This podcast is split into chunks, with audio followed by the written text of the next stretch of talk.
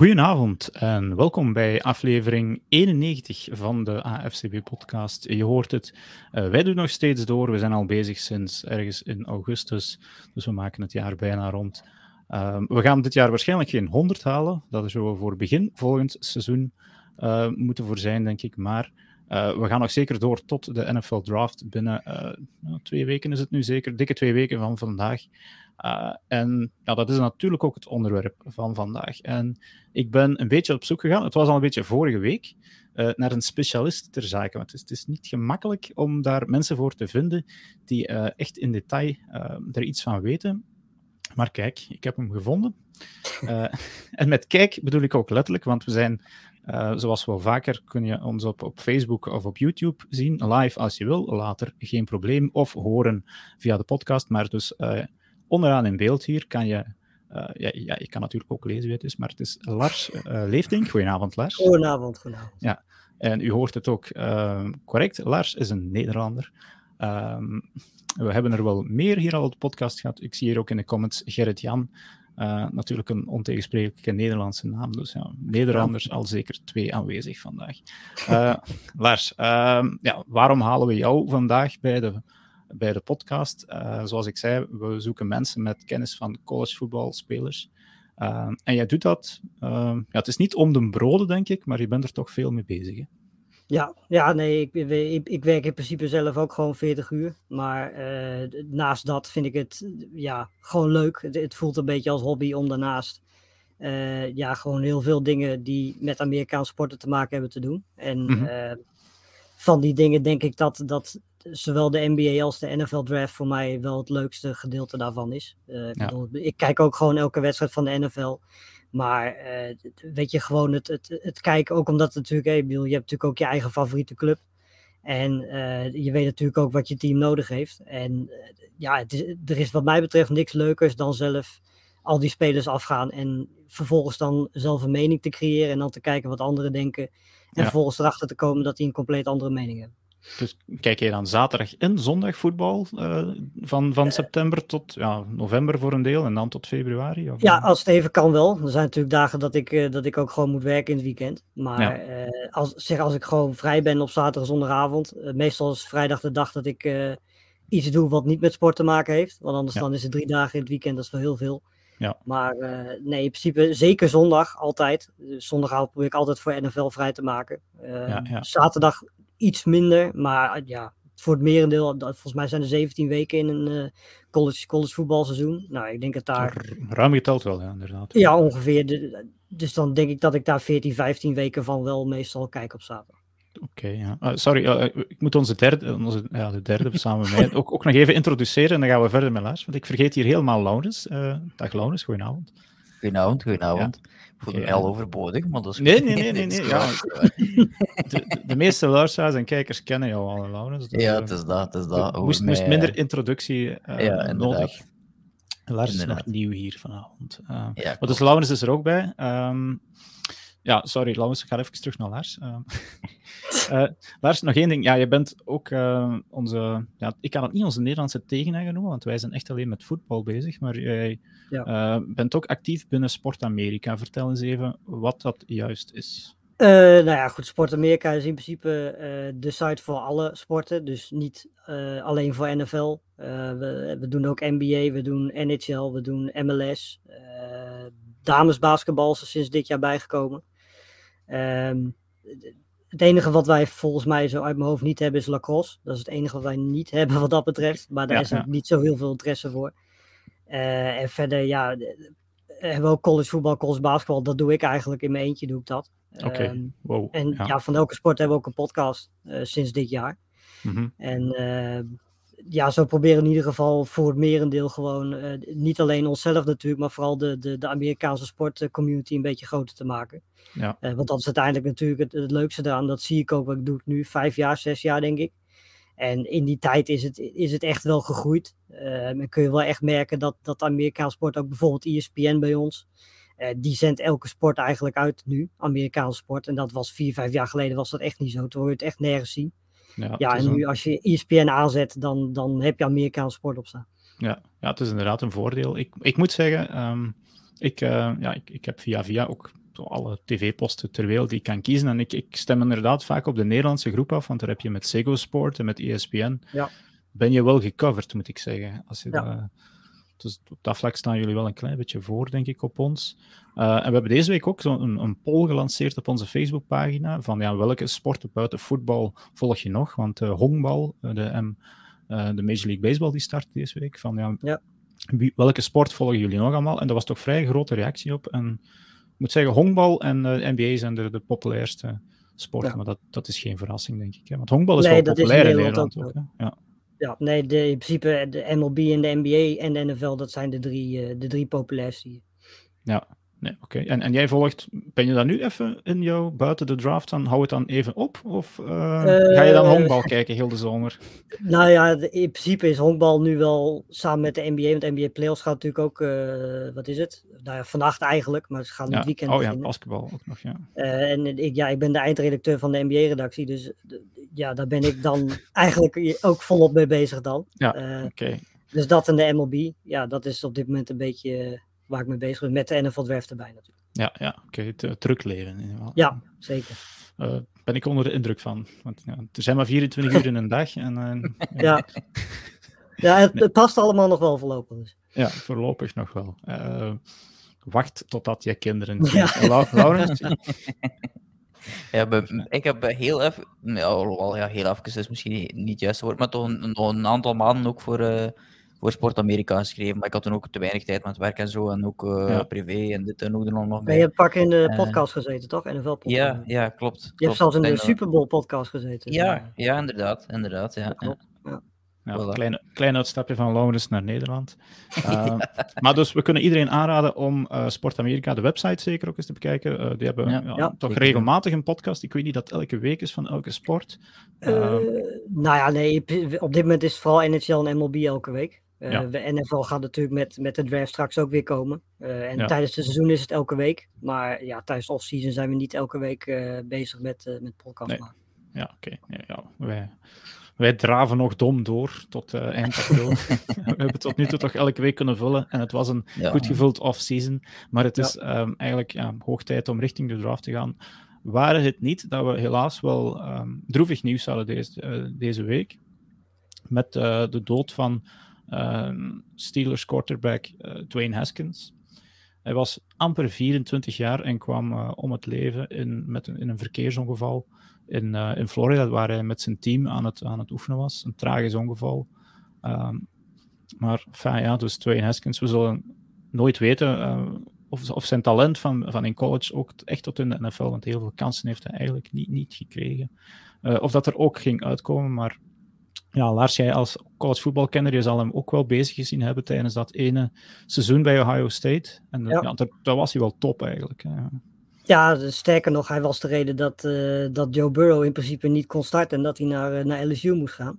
Ja. Ja, dat Eh, vergeten veel mensen. Hè? Joe ja. Burrow had nooit bij, bij, bij LSU gezeten als Dwayne Haskins er niet Nee. was. Ja. Nee, dus in principe heeft hij, zou je bijna kunnen zeggen, heel veel aan Dwayne Haskins te, aan, eh, aan, aan Dwayne Haskins te danken, inderdaad. Maar ja, hij was bij, bij, bij Ohio State was hij heel erg goed. Eh, het moet ook gezegd worden dat hij daar natuurlijk wel, en dat heeft elke quarterback als je bij Ohio State speelt, fantastische Ja. wapens had. De online, offensive line had die hem natuurlijk ook in, in staat bracht om, om goed te kunnen spelen. Wat natuurlijk bij zo'n type als Haskins heel belangrijk is. Ja. En dat zag je vervolgens ook in de NFL. Want in de NFL kwam hij bij, bij, bij NFL-teams terecht waar je eigenlijk niet echt te maken had met een offensive line. En dan krijgt hij het gewoon een heel stuk moeilijker. Omdat Mhm. hij gewoon niet de meest mobiele quarterback was. Eh, Nee. En daar had, daar had hij gewoon moeite mee. En eh, ja, weet je, dan, dan vervolgens had hij misschien bij de Steelers nu een, een mooie kans kunnen hebben. Want ja, wie daar de quarterback wordt, weet niemand op dit moment. Mhm. Eh, maar ja, die kans gaat hij helaas niet krijgen. Nee, ja, dat is inderdaad. Het is, het is een verhaal van we zullen het nooit weten. Uh, Nee. Want ik, ik dacht wel dat hij. Want hij heeft vorig jaar natuurlijk, ja, het- in het jaar van, van Big Ben, die kans. Ja. Ja, niet, ja het, was, het was nog niet het moment, denk ik, om, om, om, om hem erin te gooien. Hij werd wel achter Mason Rudolph nog geplaatst, dacht ik. Maar ik denk dat het dit jaar wel een open kamp ging geweest zijn. Ja. Uh, dus ja, maar nu, nu ook voor de Steelers verandert het natuurlijk wel een en ander, want ze zijn een, een quarterback kwijt uh, op hun list. En ja, we zullen kijken of dat, of dat, dat hun draft um, techniek of, of tactiek sorry, um, moet aanpassen. Maar ja, rest in peace, Dwayne Haskins. Ja, veel te vroeg, 24 jaar. ja, triestig onderwerp. En, en ja. we, we, gaan het daarbij laten, want het is eigenlijk al erg genoeg. dan gaan we over naar het onderwerp van de dag, van de week, van de maand. De NFL Draft. Um, en ik, ik, spreek dit altijd op zijn Brits uit, ik weet eigenlijk niet waarom. Het is draft. het is draft, op zijn Amerikaanse, niet draft. Maar goed. Draft. draft. Uh, enfin, goed, uh, wat dat we vandaag gaan doen. Um, het is, al, het is een, een, een, iets moeilijker onderwerp voor de gemiddelde Vlaamse voetbalfan. En voordat uh, de gemiddelde Vlaamse voetbalfan met, uh, met, met, met, iets gaat gooien naar mijn hoofd, of virtueel gaat gooien naar mijn hoofd. Uh, het is eenmaal niet zo simpel om om het allemaal te volgen. Zaterdag, uh, niet iedereen heeft evenveel tijd als Lars om zaterdag te kijken. Zondag te kijken. Talenten volgens gaan onthouden. Wie past waar? Uh, dus we gaan dat proberen voor jullie een beetje voor te houden. We hebben dat vorige week al gedaan. Um, met, met welke teams hebben welke niet. Ik denk dat we er vrij goed doorgeraakt zijn. Wel eens toen. Dat was, uh, ja, klopt. Denk ik ook wel. Mooie lijst. Um, en ja, nu gaan we vandaag echt kijken wie past daar waar. En, we gaan het een beetje interessant proberen te houden voor de mensen die ook fantasy spelen, want zo zijn er wel natuurlijk een heel deel. En we gaan de offensieve posities in detail bekijken. Um, en dan hebben we het natuurlijk in de eerste plaats over de quarterbacks. Uh, goed, Lars, um, zullen we daar beginnen? Hè? De quarterback groep in het algemeen. Ja. Uh, schat je die hogeren, lageren, uh, gelijk aan die van vorig jaar? Of, uh, want dat, dat, dat, wordt. Ja. Het lachje zegt genoeg, maar. Nee, absoluut, ja, absoluut lager. Ik heb ze, zoals ik het in principe doe, is ik kijk elke week kijk een positie. Dus ik heb, vorige week heb ik de quarterbacks gedaan. Mm -hmm. En ehm, ja, ik werd daar niet heel erg vrolijk van, als ik, als ik heel eerlijk ben. Het, ja. uh, weet je, vorig jaar en het jaar daarvoor hadden we eigenlijk drie quarterbacks. Uh, hè, Burrow, Herbert, Lawrence. Nou ja, goed, uh, Tua, noem ze maar op. waarvan je allemaal wel wist van, oké, okay, dat, wordt, dat wordt de top 10 in de draft. Um, dit jaar, als het al iemand wordt, wordt het Willis. En dat is niet per se omdat Willis daar gedraft moet worden, maar meer omdat ja, er gewoon veel teams zijn die een quarterback nodig hebben. Ja. En Willis is de enige in deze draft die alles heeft van een moderne quarterback. Um, en die een, een, een, franchise quarterback zou kunnen worden. Uh, maar die moet nog zo'n ongelooflijk lange weg afleggen als hij dat wil halen. Uh, er zit zo'n groot traject nog tussen. Het, het, het, doet mij een beetje denken aan, aan Trey Lance van, van vorig jaar en aan uh, Jordan Love van het jaar daarvoor. Uh, het zijn alle, alle drie quarterbacks die hebben heel veel. Alleen het enige wat ze niet hebben zijn de, de, de basisdingen. Dus hè, het, het, het, doorlopen van je reads, het in de pocket blijven staan in plaats van uh, constant je, je, je rennen, uh, rennen willen, zoals Willis, want die kan dat natuurlijk fantastisch. maar die wil dat soms gewoon nog te graag doen. te veel interceptions, in plaats van de bal gewoon out of bounds gooien. Dat soort basisdingen, die zitten er gewoon nog niet in. Um, verder heeft hij alles. Hij heeft de lengte, uh, hij heeft het karakter, hij heeft uh, het mobiele gedeelte, wat, wat je natuurlijk in een moderne quarterback graag wil zien. Um, alleen ja, dit, zal ik zeggen, er, er, moet echt nog heel veel gebeuren. En het team dat hem draft moet hem ook niet als een, als een starter zien volgend jaar. Nee. Want uh, tenzij je denkt van ja, weet je, hij leert meer als, als hij start. Maar dan moet je niet verwachten dat het meteen heel erg goed gaat. Ja, ja, Laurens, heb jij, ja, we hebben het dan over, want we gaan ongeveer vijf, vijf prospects uh, bekijken, denk ik, bij de quarterbacks. Malik Willis geeft Lars aan, denk ik, uh, als de hoogste. Is, klopt daar, Lars, dat je denkt van, oké, okay, die heeft het meeste potentieel? Uh, Hoe moeten ja, we dat meeste potentie. Ja, als je, als je het nu noemt over wie, je, wie de, de beste quarterback nu is, zou ik Kenny Pickett zeggen. Maar ja. de, de, potentie van, van Willis is absoluut veel hoger. Ja, ja Laurens, heb jij Malik Willis ook een beetje meer in detail bekeken? Ja, wat is een beetje hetzelfde dat ik vorige week uh, zei. Als je uh, het hoogste potentieel wilt, dan, dan draft je wel eens. Wilt je de kerel die direct start, of de meeste kans heeft om, om direct succesvol te zijn als starter, daarom niet direct de beste te zijn op lange termijn, dan kiest je Pickett. Dus inderdaad ook, ja, voor mij waren ook die twee de voornaamste, maar misschien met Corral er dan net achter. Of ja, niet net achter, maar dan toch nog met, met een kleine afstand. Uh, maar ja, Willis is zo ook Liberty. Dat is ook zo'n beetje de vraag uh, hoeveel uh, van die uh, ja. teams waar hij tegen speelt, hoeveel kwaliteit zit daarin, hoeveel NFL-talent is er tegengekomen in zijn, zijn road naar, naar de draft. Dus ehm, ik denk dat hij ook van Auburn, ja, niet veel inderdaad, of nee. heel weinig, tot, tot niks. was ook uh, eigenlijk uh, terecht te komen bij Auburn, als ik me niet vergis. En ja. is daar uiteindelijk moeten uh, een euro in de pot, als ik me niet vergis. Um, bij ons, ja, dat, is, dat is bij ons een dingetje, Lars. Als, je, als ik me niet vergis zeg, moet je een euro in de virtuele pot steken. Je moet gewoon zeker zijn van je stuk of het nu waar is of niet. Ja, precies. Okay. Nee, ja, denk, ja, goed, uh, was bij Auburn ja, Bonix is daar uiteindelijk uh, starter dus uh, ja. geworden. Ja. Um, en twee seizoenen nu bij Willis gezien. Dus op zich zijn er wel, hij heeft ook een heel grote arm. hij heeft wel wel een serieuze, serieuze diepe, diepe bal die hij kan gooien. Dus qua potentieel, als je een team vindt die in staat is om er een volledige offense rond te bouwen, zoals ze dat in de tijd ook een beetje met Lamar Jackson hebben moeten doen. Het is een ander soort loper wel. Um, dan, dan kun je er wel mee weg, mm -hmm. denk ik. En inderdaad hoort ook wel blijkbaar heel veel goede dingen over zijn, zijn karakter en zo, wat ook niet onbelangrijk is als, uh, als quarterback. Ja. Dus uh, ik denk dat hij ja. zo inderdaad ook een beetje algemeen ondertussen aanzien wordt als uh, de topper in een reeks die inderdaad misschien ja, die alle vijf onder de vijf van vorig jaar zouden vallen. Maar het is nu eenmaal wat dat is. Elk jaar hebben er teams quarterbacks nodig. Uh, dus ja, dat gaat niet veranderen. Nog eventjes, dus ja. ja. inderdaad, over Malik Willis. Uh, we gaan zo dadelijk over die andere prospects nog wel. Um, hij komt van een kleine school, dus dat is inderdaad een comp, zal ik maar zeggen, met Trey Lance. Dus ja, weinig NFL-tegenstand gehad. Uh, Josh Allen. Josh ja, Allen, van, ja, maar ja, ander, ander type speler. Ja, um, ja, hij, lijkt, hij lijkt heel veel, hij is iets minder lang.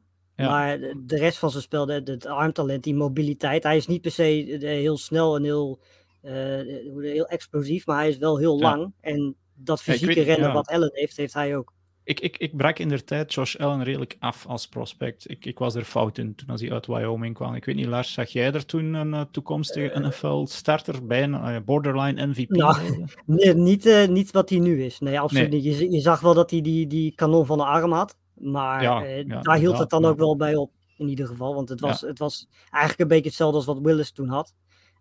die moest zich ook echt nog wel ontwikkelen. Alleen ja, die komt, en dat is ook voor Willis heel belangrijk uh, bij de juiste, juiste NFL-ploeg waar hij zich kan ontwikkelen. Weet je, als, als Willis straks bij de Panthers terechtkomt, dan ben ik bang dat hij in het, in het rijtje Sam Darnold terecht gaat komen. Uh, ja.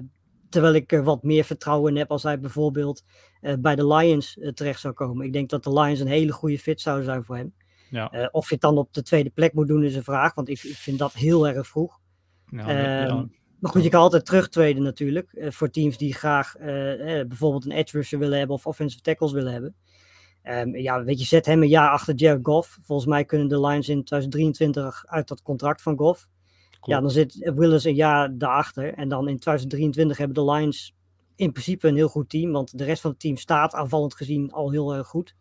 Dan zet je Willis daar neer bij een team dat al heel veel wapens heeft, goede offensive line heeft. Ja, dan zie ik het wel, wel goed komen. Maar Willis moet wel die tijd krijgen. En ik denk dat hij dat bij de Lions zou kunnen krijgen. Ja, ja ik, ik weet het niet. Ik, ik weet niet wat. Ja, ik heb dan wel ook de video's allemaal wat zitten bekijken. Ja, dat, dat zijn indrukwekkend. Maar we hebben dit er al eens eerder gezegd. Die speelt tegen toekomstige turnleraars en boekhouders. Ja. Dus dat is, en, en het is moeilijk, moeilijk te e evalueren. En, en ja, van de combine of de pro day, ja, die heeft een geweldige diepe bal. Maar dat is in shorts. Uh, uh, ik ken er dan niet veel van, maar dat voetenwerk zag er soms wat vreemd uit. Van, dat is gewoon van, ja, hoe diep. Het voetenwerk is zeker inderdaad. Uh, als, als wij het met bloot oog al zien, dan gaan de, de scouts dat helemaal uit elkaar halen, ja. denk ja. ik. Wat dat ja, het, zoals het ook werkt met zo iemand als hem. Als hij één keer zo'n zo'n fantastische diepe bal gooit, zoals hij dat deed tijdens die combine, dan gaat natuurlijk zijn, zijn, zijn draftstock gaat in één keer omhoog. Omdat mensen zijn daar natuurlijk heel gevoelig voor. Uh, dus die, die herinneren zich alleen zeg maar de, de draft combine uh, en niet alle wedstrijden die hij daarvoor gespeeld heeft. Ja. Um, en ja, dat heeft uiteindelijk voor gezorgd dat hij nu uh, zelfs wordt gezien als misschien de tweede pick. Wat eigenlijk nergens op slaat op die plek, omdat je daar natuurlijk gewoon de meest zekere prospects wil kiezen. En Willis is alles behalve dat. Ja. Um, weet je, hij is net zoals Love gewoon een eind eerste ronde pick waar je potentieel een top 5 quarterback uit kan halen als alles goed valt en hij bij de goede franchise terechtkomt. Ja. Maar wat, wat, gewoon heel lastig is met Willis ook, naast waar hij speelde, want de beste team waar je tegen gespeeld hebt was, is Syracuse, NC State. Ja, weet je, dat, dat is ja. zelfs in college is dat nou en, net middenmoot. En in die wedstrijden had hij het net moeilijk dan ook nog. Hè? Dus, ja, ja, ja. dat was, was hij heel wisselvallig in. Uh, ook in die wedstrijd, hij heeft vorig jaar tegen, tegen Matt Corral Ole Miss gespeeld. Ja. Was hij ook dramatisch. Ehm, maar het moeilijke daarvan is, hij had ook een dramatische offensive line. Dus hij kon eigenlijk helemaal niks. Als hij de bal één seconde in zijn handen had, lag hij al of moest hij al eigenlijk wegrennen. Ehm, dus dat maakt het extra moeilijk om hem zeg maar, goed te kunnen evalueren. Omdat ja, en hij speelt op een niveau wat bedenkelijk is. En hij heeft een offensive line waardoor je niet echt kunt zien wat hij in de pocket kan doen. Ehm, Ja, en dus ondanks dat alles wordt, dus, wordt hij dus soms ge- ja, geassocieerd op de nummer 2 pick van de overall. Dat, is, dat is gek ja, eigenlijk. zegt genoeg over Ja, de waarde van de quarterback-positie. Ja, ik heb het vorig jaar ook al gezegd, het is een beetje lying, eh, of vorige week nog gezegd, ja, het is een beetje lying een seizoen ook. En eh, Ja. de, de Lions proberen dan nu misschien ook wel een beetje zo naar boven te, te drijven, zodanig dat er misschien een team springt op die tweede plaats en er een hoop picks in de plaats geeft. Hè. Dat is een beetje Ja. typisch eh, het verhaal van nu, eh, dat je ook wel hoort. En dat is zo'n rare offense ook van, van Liberty. Eh, zo heel veel, die, die offensive coordinator had ook zo, ik heb na- naar die plays zitten kijken, zo ik heb hem zelden gezien, maar dat er vier receivers, gewoon alle vier hitch routes, gewoon alle vier stoppen. Ja, nee, maar dat, dat, dat, dat is ook een ding. vaak. Weet je, je kunt het Dus- over het niveau van de, van de spelers hebben, maar Ja, het, ja, het is coaching, ja. natuurlijk, de coaching zit daar natuurlijk Ja, ook niet voor is niets op, die, op dat niveau. Ja, als, als je dan naar zijn, heeft zo'n targeted passes, ehm zo'n schema, dan ziet je dat zo alles langs de zijkant rood is van Ja. goed, en in het midden eigenlijk niks goed. Nee. Dus dat is ook Nee, ja, ja. waarschijnlijk ook met die offensive line te maken en ook met, met, met een deel playcalling. Maar toch, dat zegt ook wel iets over, ja, het- er, zit nog wel, er is nog wel werk aan inderdaad. Zeker. Oké, eh, dus ja, Malik Willis. Eh, een projectje, zullen we het eh, maar Ja. noemen, denk ik. En, en het Ja. ergste dat hem kan overkomen, is dat ook een consensus zijn de Panthers op 6? Want dan, Ja, dan, moet, hij, dan moet hij eigenlijk gaan. Hè? Of, of, eh, Als hij, als hij langs de Lions gaat, gaat hij naar de Panthers. Ja. ja, Ja. Hopen voor Malik dat dat niet gebeurt. Ehm, de tweede naam die al gevallen is, en we hebben het er natuurlijk ook al over gehad, eh, is Kenny Pickett, de quarterback van de Pitt Panthers. Ehm, ja, ook een beetje als je naar zijn statistieken kijkt, een anomalie. Eh, het eerste dat je, na, dat je denkt als je die statistieken ziet is, ehm, is Joe Burrow, eh, oudere quarterback, eh, vijfde jaar, denk ik, alle twee ook. Ja, vijfde jaar. Ja. En dan plots in het senior season een, ehm, ja, boven zich uitstijgen is, is, nog, is, is nog weinig gezegd eigenlijk. Hè. Dus ja, hij heeft, hij heeft een, een, een super seizoen gehad bij Pitt. Eh, heb je hem goed kunnen bekijken, Lars? Eh, of ja, is hem, is, want stond hij vorig jaar ook al op jouw radar? Zo misschien dat is. Eh, nee, zeker niet zo hoog als, als nu. En Nee. eigenlijk aan het begin van dit jaar ook niet. Omdat Nee. we toen natuurlijk allemaal Spencer Rattler en nou, ook Sam Oh. Howell natuurlijk allemaal nog veel hoger hadden. ja, Maar ja, die zijn er natuurlijk allemaal niet meer. Dus die, die, wat dat betreft is Pickett natuurlijk opgeschoven. Mhm. Maar ja, hij heeft het ook aan zijn eigen spel te danken natuurlijk. Want hoe die afgelopen jaar heeft gespeeld, hij zat ook bij de Heisman-kandidaten. Ehm, wat, wat, wat mij betreft, waar ik heel benieuwd naar was toen ik Pickett aan het kijken was, was of hij inderdaad, eh, dat is wat, wat heel veel mensen zeggen, is hij inderdaad die, die, die, de quarterback van deze draft die, die je meteen in een offense kunt zetten en hij kan die offense uitvoeren. En ik denk dat dat, ehm, ik denk dat dat wel zo is. Ik denk dat hij, ten eerste heeft hij natuurlijk die ervaring. En nou hebben we vorig jaar met Lawrence gezien dat dat natuurlijk niet alles betekent.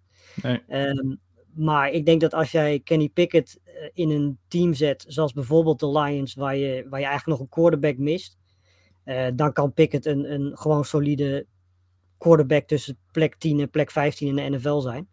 D- zijn ceiling is niet zo hoog. Hè. Ik bedoel, hij is al 24. Er gaat niet extreem veel meer extra in zitten, zoals bij Willis dat wel zo is. Maar hij maakt niet die rare beslissingen die Willis maakt. Je ziet gewoon dat hij meer ervaring heeft, meer speelervaring heeft, betere coachingstaff heeft gehad, hoger Mhm. niveau heeft gespeeld. Ehm, en, Heeft en een- hij, heeft- heeft ook een hele mooie fake slide in zijn. eh, hij heeft een hele mooie fake slide die nu niet meer mag. Nee, niet, niet meer Maar, maken, eh. Jammer, ja. Nee, ja, goed. En hij heeft het haar van, eh, van hij had, ja, hij, hij heeft het haar wat Ja. eh, Justin Herbert had. Eh, Ja. Dus misschien is dat ook een goed voorteken. Maar eh, nee, ik denk, weet je, hij heeft in principe alles. Hij kan alle passes gooien die, die hij wil gooien, net zoals Willis dat kan. Mhm. Eh, alleen het enige ding wat, wat mij opviel toen ik Pickett aan het bekijken was, is, is dat hij ook heel erg graag heel snel eh, uit de pocket wil lopen. En Ja. ehm, ook bij hem is dat deels omdat die offensive line van, van Pittsburgh niet per se de allerbeste was van college. Eh, maar het was zeker ook veel omdat hij dacht van ja, ik kan ook elke paas gooien die ik wil, dus ik loop dan liever naar de zijkant. Ja. Eh, dat kan wel, dat ging in college ook meestal goed, maar in de NFL zal dat toch vaker niet goed gaan. Ehm, wat hij dan wel doet, wat Willis bijvoorbeeld niet deed, is ballen gewoon naar de zijkant gooien of gewoon zelf rennen en dan sliden. Uh, dus daarin kun je zien dat hij verder is in, in zijn ontwikkeling wat dat betreft. Um, en ik denk dat hij van alle quarterbacks in deze draft eh, met afstand degene is die je in de NFL meteen neer kan zetten als je hem in het juiste systeem zet. Want het is ook zo'n quarterback als je hem, dan komen we toch weer bij de, bij de Panthers uit. Uh, als je hem daar neerzet, um, zonder wapens, zonder offensive line, dan kan die heel makkelijk in de categorie Carson Wentz vallen. Um, dus dat is wel het gevaar met Pickett. Weet je, als je hem gewoon een goed team om meegeeft, kan die ja, kan hij een soort Ryan Tannehill worden qua niveau. Weet je, hij is goed genoeg waarschijnlijk om je in de playoffs te brengen dan. Uh, de vraag is alleen, ja, kan die dan nog een stapje omhoog om je ook uh, in, in, in de Super Bowl te brengen? Daar, daar heb ik nog wel een beetje mijn, uh, mijn twijfels aan. Ja. ja, het meest pro-ready. Ja, Laurens, ben je het ermee eens? Ja, ik denk het wel. Ik denk dat dat degene is die, die in principe, zeker ook door het feit dat hij al die ervaringen heeft en in zijn laatste jaar eigenlijk vooral die, eh, die laatste stap gezet heeft, ook wel een, een historisch goede jaar had uiteindelijk. Um, dat dat ja. wel degene is die, allee, daar, ja, het is nog altijd absoluut geen zekerheid, zoals de, de voorbije jaren er wel een paar waren, waar je zo meer het gevoel van had, die zijn zeker klaar. Het is niet niveau um, Mac Jones, inderdaad. Nee, het is, het is, het is inderdaad wel, wel nog minder. Het is misschien een soort van vergelijking inderdaad naar, naar iemand die pro-ready is. Uh, ook in een offense die, die logischer in elkaar zat dan die van Liberty. Um, en, en inderdaad langs, langs de zijkant heel vaak naar buiten lopen. Maar hij is wel een van de betere, vond ik, buiten de pocket om, om ja. de run te, uh, te passen. Ja. Was hij wel altijd heel goed en vond altijd wel de ruimte om daar, daar de juiste beslissing te maken. Uh, en die ervaring is sowieso altijd wel in het voordeel. Joe, Joe Burrow was ook redelijk oud toen hij gedraft werd. dus ja, dus wel de meeste. Ik vind het wel een interessante project. Het enige was zo. De voorbije weken voor die, die draft vooral naar boven kwam, was zo dat over zijn handen, dat zijn handen heel klein waren. Dat ging dat dan, dus dan ook weer zoiets raar dat plots opduikt. Uh, hij heeft hele kleine handjes, om het uh, dan zo te zeggen. Hij heeft echt kleine handjes. De kleine, de zero percentile. Ja, dus, ja, ja, dus, dat is zie, het kleinste, inderdaad. Dus uh, echt wel uh, heel klein. Maar ja, dan nog, wat weet je daar dan mee? Dat misschien ook niet zo heel veel. Ik denk niet uh, veel. als, als, je, als je 42 touchdowns kan gooien in je senior season, ja. ik denk niet dat die handjes er Ja, de, de, wat je ook veel hoort is dat hij dan, hè, de, waar het dan natuurlijk vooral om gaat, is dat de grip van de bal. in de NFL zijn de ballen ietsjes, ietsjes groter. Nou goed, als je kleine handen hebt, wordt het natuurlijk een, een lastig verhaal. En wat veel mensen ook zeiden, is dat hij misschien in de NFL straks heel veel ballen gaat fumbelen bij, bij de snap bijvoorbeeld. Ja. Uh, ik heb toevallig, volgens mij was dat vorige week of de week daarvoor, een stat gezien dat hij, dat hij daar op zich gewoon lekker gemiddeld in was. Dus het was niet zo dat hij dankzij zijn handen meer of minder de bal fummelde. Uh, in principe is dat het, ene, het, het, enige nadeel. Is ja, als je kijkt naar, naar zijn. Uh, je zei het inderdaad net al 0% al. Er is eigenlijk bijna niemand die kleinere handen heeft dan hem. Nee. Uh, en zelfs als je er een, Michael Vick had even kleine handen ongeveer als hem. Ja. Die heeft ook niet heel veel voor te nee, maar dat, dat precies, als, je, veel, als je de mensen daar vlak daarboven bekijkt, die waren ook allemaal niet echt een heel groot succes. Dus het, het, het, is, het is wel degelijk iets waar je, waar je, waar je op moet letten, denk ik. Ja. Um, dat naast het feit dat hij inderdaad heel graag de pocket uit wil, omdat hij weet dat hij on the move hele goede passer is, zoals Willis weet dat hij heel goed is uh, in zijn mobiliteit. Ja, dat, dat, dat is wel, zijn wel twee dingen waar je dan van denkt van ja, dat houdt hem samen met zijn leeftijd van, van die, die potentie om de top 5 à top 10 ja. quarterback ja, het is maar een dik jaar jonger dan, dan Lamar Jackson bijvoorbeeld. Hè. Dus, ja. dus allee, Lamar kwam natuurlijk vroeg uh, in de ja, NFL. Ja, met... heel, heel vroeg gekomen. Die was heel jong natuurlijk. Ja, ja maar ook, um, ik heb het gezien, um, 3,2 seconden dat hij neemt om de bal te gooien. En dat was blijkbaar tweede, meeste, uh, of tweede langste tijd in colleges. Hij neemt ook wel zijn tijd om, uh, om de bal ja. te nemen. Dat heeft natuurlijk ook wel met het feit te maken dat hij inderdaad ook graag een keer naar buiten loopt. Dus dat is ook wel iets waar, de, waar ze zullen naar moeten werken om uh, in college toch iets, of in, in de NFL, iets meer one Mississippi, two Mississippi en de bal moet weg zijn. Ja. En niet, niet three Mississippi en nog een keer in Mississippi. Nee. Want dan, dan zo te zijn.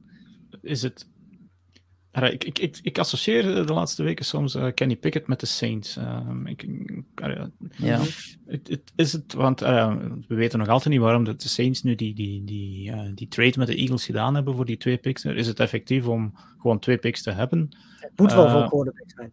Of is ja. het voor een quarterback? En dat zal dan waarschijnlijk pas op draft day duidelijk worden, want anders kan er misschien nog iemand komen springen als je te vroeg Uh, die ja, al- wat, waar ik ook over na heb te denken, het kan natuurlijk ook zijn dat ze die twee picks gebruiken om nog een stapje verder te gaan. En eh, Ja, bijvoorbeeld voor ding, Carolina ja. of zo eh, te komen.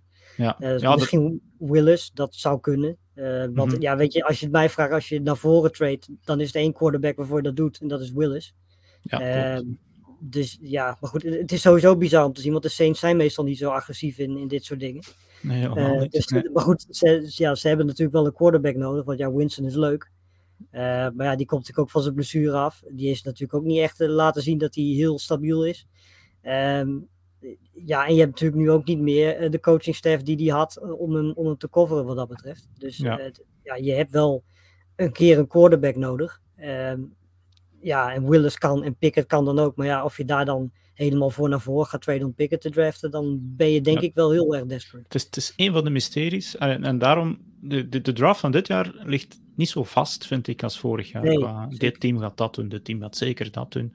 Eh, ik denk dat we nog, nog goed gaan, gaan, gaan verschieten, denk ik, op, op, op draft night. Ik denk Ja, dat we zeker. hooguit Ja. weten wat de eerste pick is. En, eh, de, daar, en zelfs dat is eigenlijk nog niet eens zeker. Ja. Daarover Eh. later meer trouwens. Eh, En daarachter, ja. vanaf twee kan het elke kant op. Ik bedoel, Ja. de, de Lions kunnen terugtraden, kunnen gewoon Thibodeau draften, kunnen Willis draften. Eh, ja, die hebben verdedigend gezien eigenlijk elke positie nodig die je kunt draften. Dus eh, ja, die kunnen alle kanten op. En dat, dat maakt het wat mij betreft ook heel leuk. Want er is ook niet ten opzichte van voorgaande jaren één speler die er bovenuit steekt. Nee, Inderdaad. Ja, stel dat de Texans eh, zot doen en plot toch een, een quarterback nemen, of, of de Giants doen gewoon heel helemaal zot. En die, eh, maar goed, ja. eh, ja, nee, maar dat Ja, zou daarom dom zijn. daarom dat zou het niet zijn om de Texans. Ja, daarom Ja, inderdaad. ja, ja, dat daarom. zijn voor de Texans, Texans inderdaad. Dus, Nee. eh, maar dan, dan, dan, ja, dan ontploft heel de boel natuurlijk. Hè. Zodra dat er een van die quarterbacks veel vroeger zou vallen dan, dan verwacht, dan gaan er misschien een hoop zijn die terug willen en dan, eh, dan gaat het helemaal Nee. hek worden. Oké, dus Malik Willis en Kenny Pickett, eh, ik denk dat het inderdaad een beetje consensus is. eh, een, een top. Allee, zijn, is- zijn ze een tier of, a- of hun own? Oh, van Ja, zichzelf. wat mij betreft, Kom. Ja. Ja. wat mij Dus ja, wel. Dus zij zijn de top twee. Zij zullen waarschijnlijk met zekerheid in de eerste ronde gaan. Ja. Er zijn teams gek genoeg om dat te doen dit jaar, waarschijnlijk. Ehm, maar dan, ja, dan is er, we, we hebben vijf namen. Ik heb naast eh, Willis en Pickett ook nog Sam Howell, Desmond Ridder en Matt Corral. Zo'n beetje de consensus top vijf. Maar eh, Lars, wie van die eh, tussen haakjes talenten eh, valt bij jou op de derde plaats?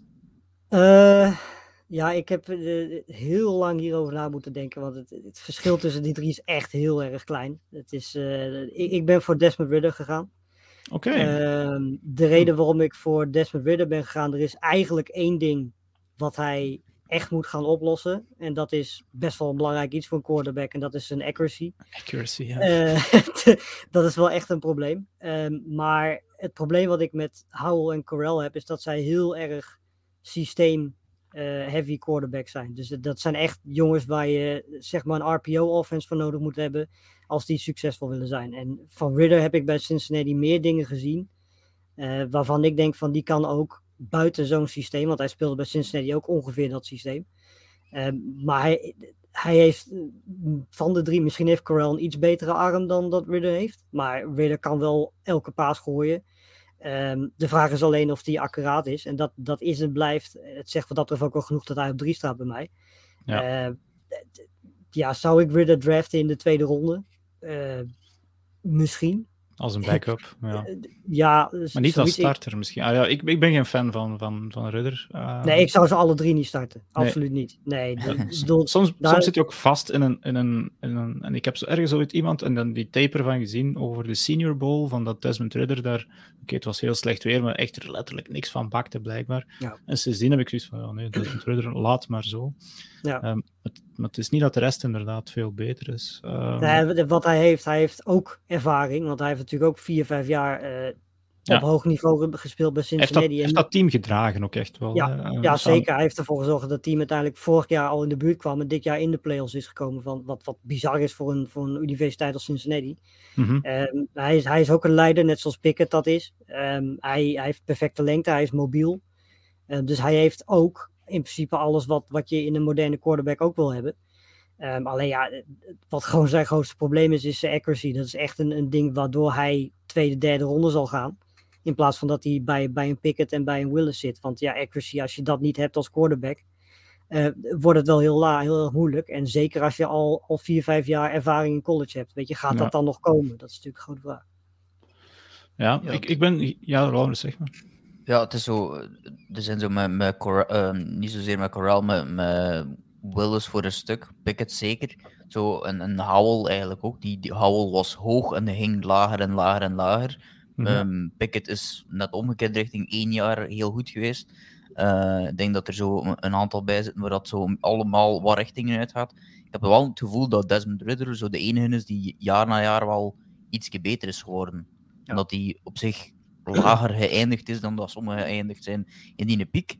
Uh, maar dat hij wel degene is die elk jaar wel gewerkt heeft aan hetgene wat er hem uh, voor een stuk uh, ja. dwars zat de voorbije jaren. En dat dat telkens wel beter gegaan is. Dat dat met Cincinnati zelf ook elke keer beter gegaan is. En dat dat ook wel ja, mee door hem komt. ik denk niet dat je kunt ontkennen. Is, is een belangrijk onderdeel als leider daarin geweest. Dus ja, het is, het is wel iemand dat je denk ik wel graag in je quarterback room hebt. Misschien niet als starter, maar misschien wel als project, omdat hij ja, wel getoond heeft door in de jaren ondertussen dat hij luistert naar wat de coach zegt, dat oppikt en daaraan werkt. En uh, wie weet dat hij dan, dan ja, ook op termijn wel meer in dan dat, uh, dan dat er op dit moment in zit. Uiteindelijk heeft hij nog nooit een, een, een NFL coachingstaf gehad. En dat, dat is, wordt wel heel belangrijk om te zien of zo'n NFL coachingstaf het wel voor elkaar kan krijgen om die accuracy met zijn techniek, met zijn voetenwerk, weet ik veel wat, uh, om dat op te lossen. Want ja, weet je, als een NFL ja, coachingstaf dat niet kan, wordt het een ik, lastig. Ik, ik, ik, ik, ik, ben dus een beetje down op Desmond Ridder, omdat ik mij afvraag, is dat coachable accuracy? Ja. Dat is, zit ergens in het, het, stukje talent in begrepen, vind ik dan. Hè? Ja. Uh, en, en, bij wie dat ik volgens mij wel dat talent zie, is, of eerder, is Sam Howell. Um, ja. En is toch zeker ooit geweest. En die, zoals Laurens aangeeft, ja, die is een beetje uh, ingezakt door de jaren. Die had een super uh, freshman seizoen, eigenlijk ook nog een goed sophomore seizoen. En, maar dan dit jaar was dat wat minder. Maar goed, die heeft natuurlijk wel. En dan ben ik eigenlijk de namen verloren van wie dat hij allemaal verloren heeft heel, als, ja, als playmakers. Ja, Michael Carter. Drie, kwart was een offense. Hè. Williams. Williams.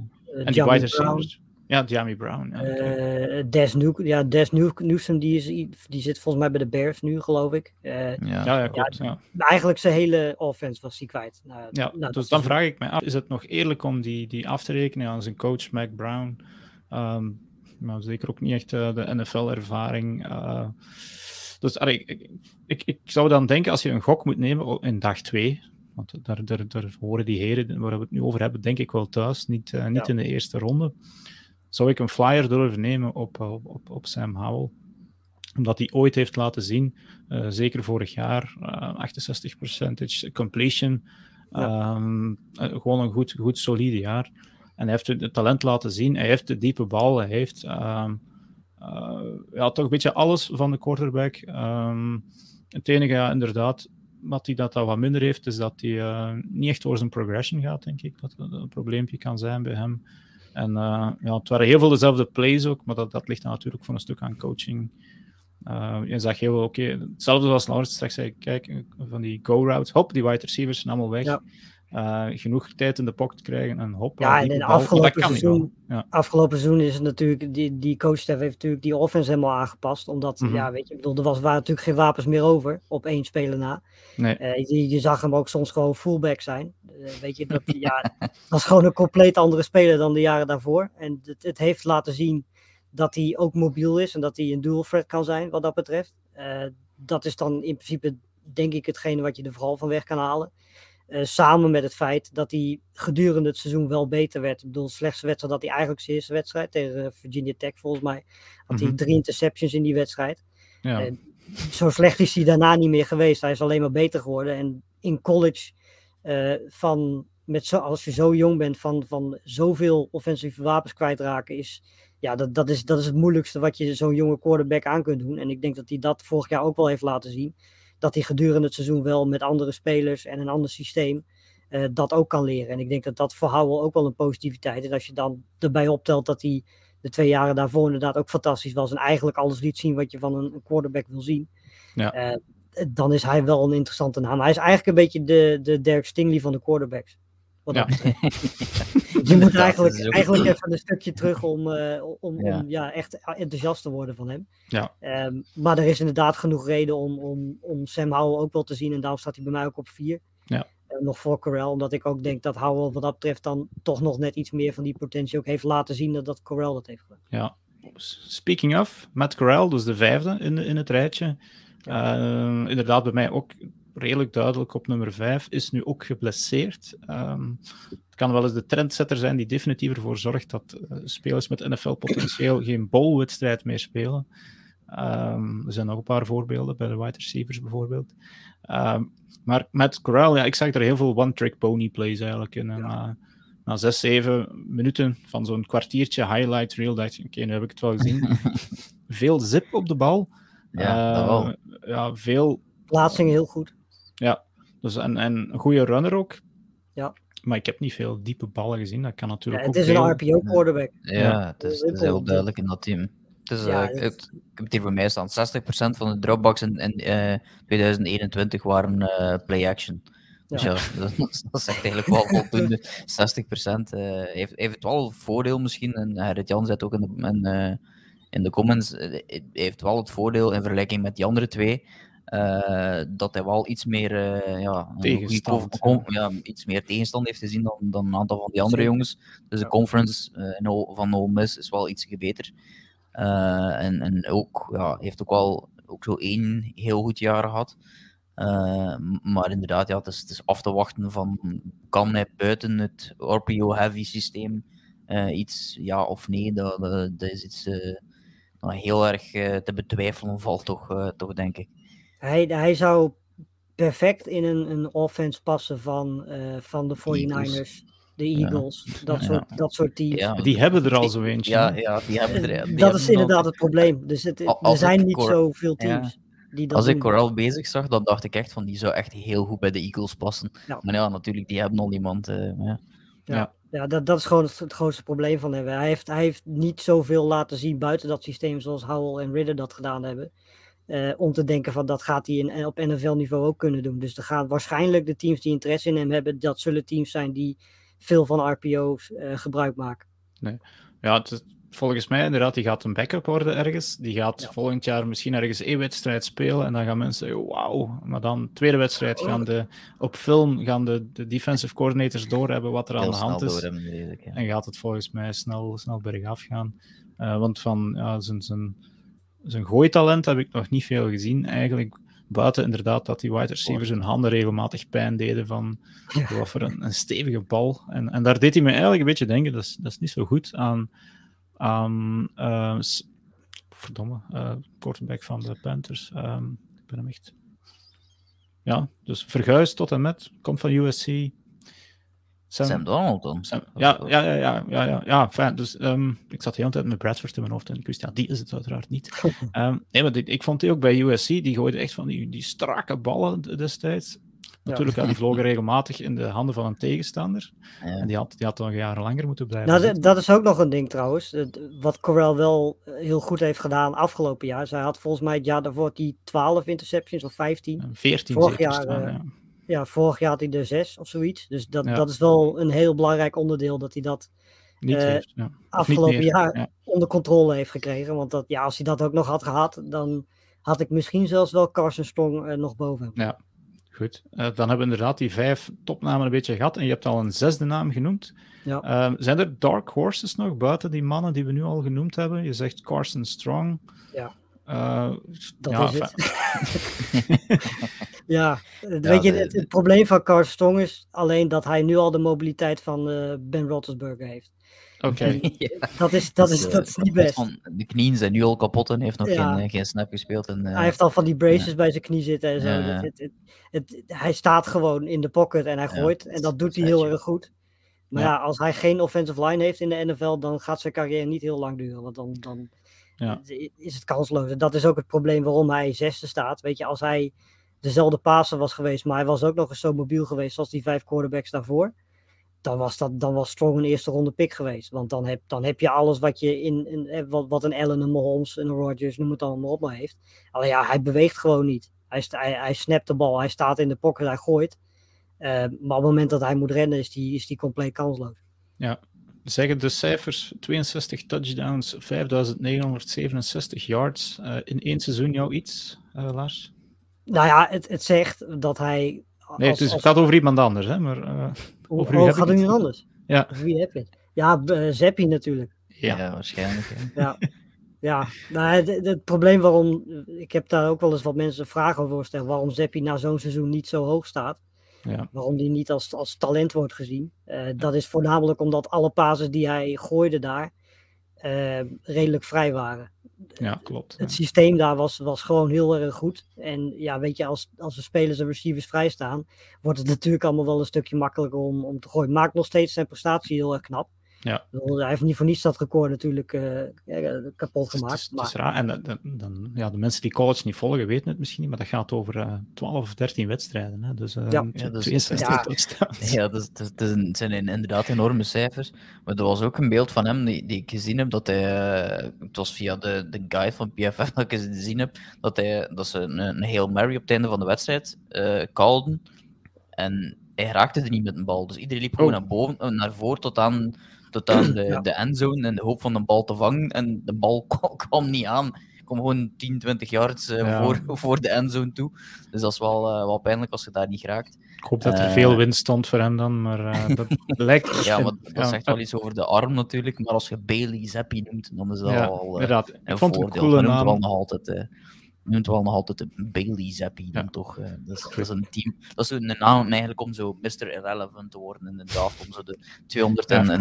Dus, Ah, ik Dan, denk wel dat eh, hij gedraft gaat worden om ja, Ja, ergens ja. Als, als backup van een backup. eh, ja, ja. Die, hij, gaat, hij gaat gewoon de, de, nou ja, ik weet niet, de nieuwe Chase Daniel, dat gaat denk ik helemaal niemand worden, want Chase Daniel die staat gewoon beest erin. Maar Ja. hij is wel zo'n speler die gewoon elk jaar weer bij een ander core- team backup quarterback gaat zijn de komende Ja. 10, 15 jaar. Die man Ja, weet wel heel, ja, wat heel af en toe bal te gooien. Ja, inderdaad. Maar eh, dit- op eh, de PFF eh, eh, was, eh, maken ze ook altijd zo'n NFL comp. De NFL Ja. comp was Nick Mullins. Dus ja, Ja.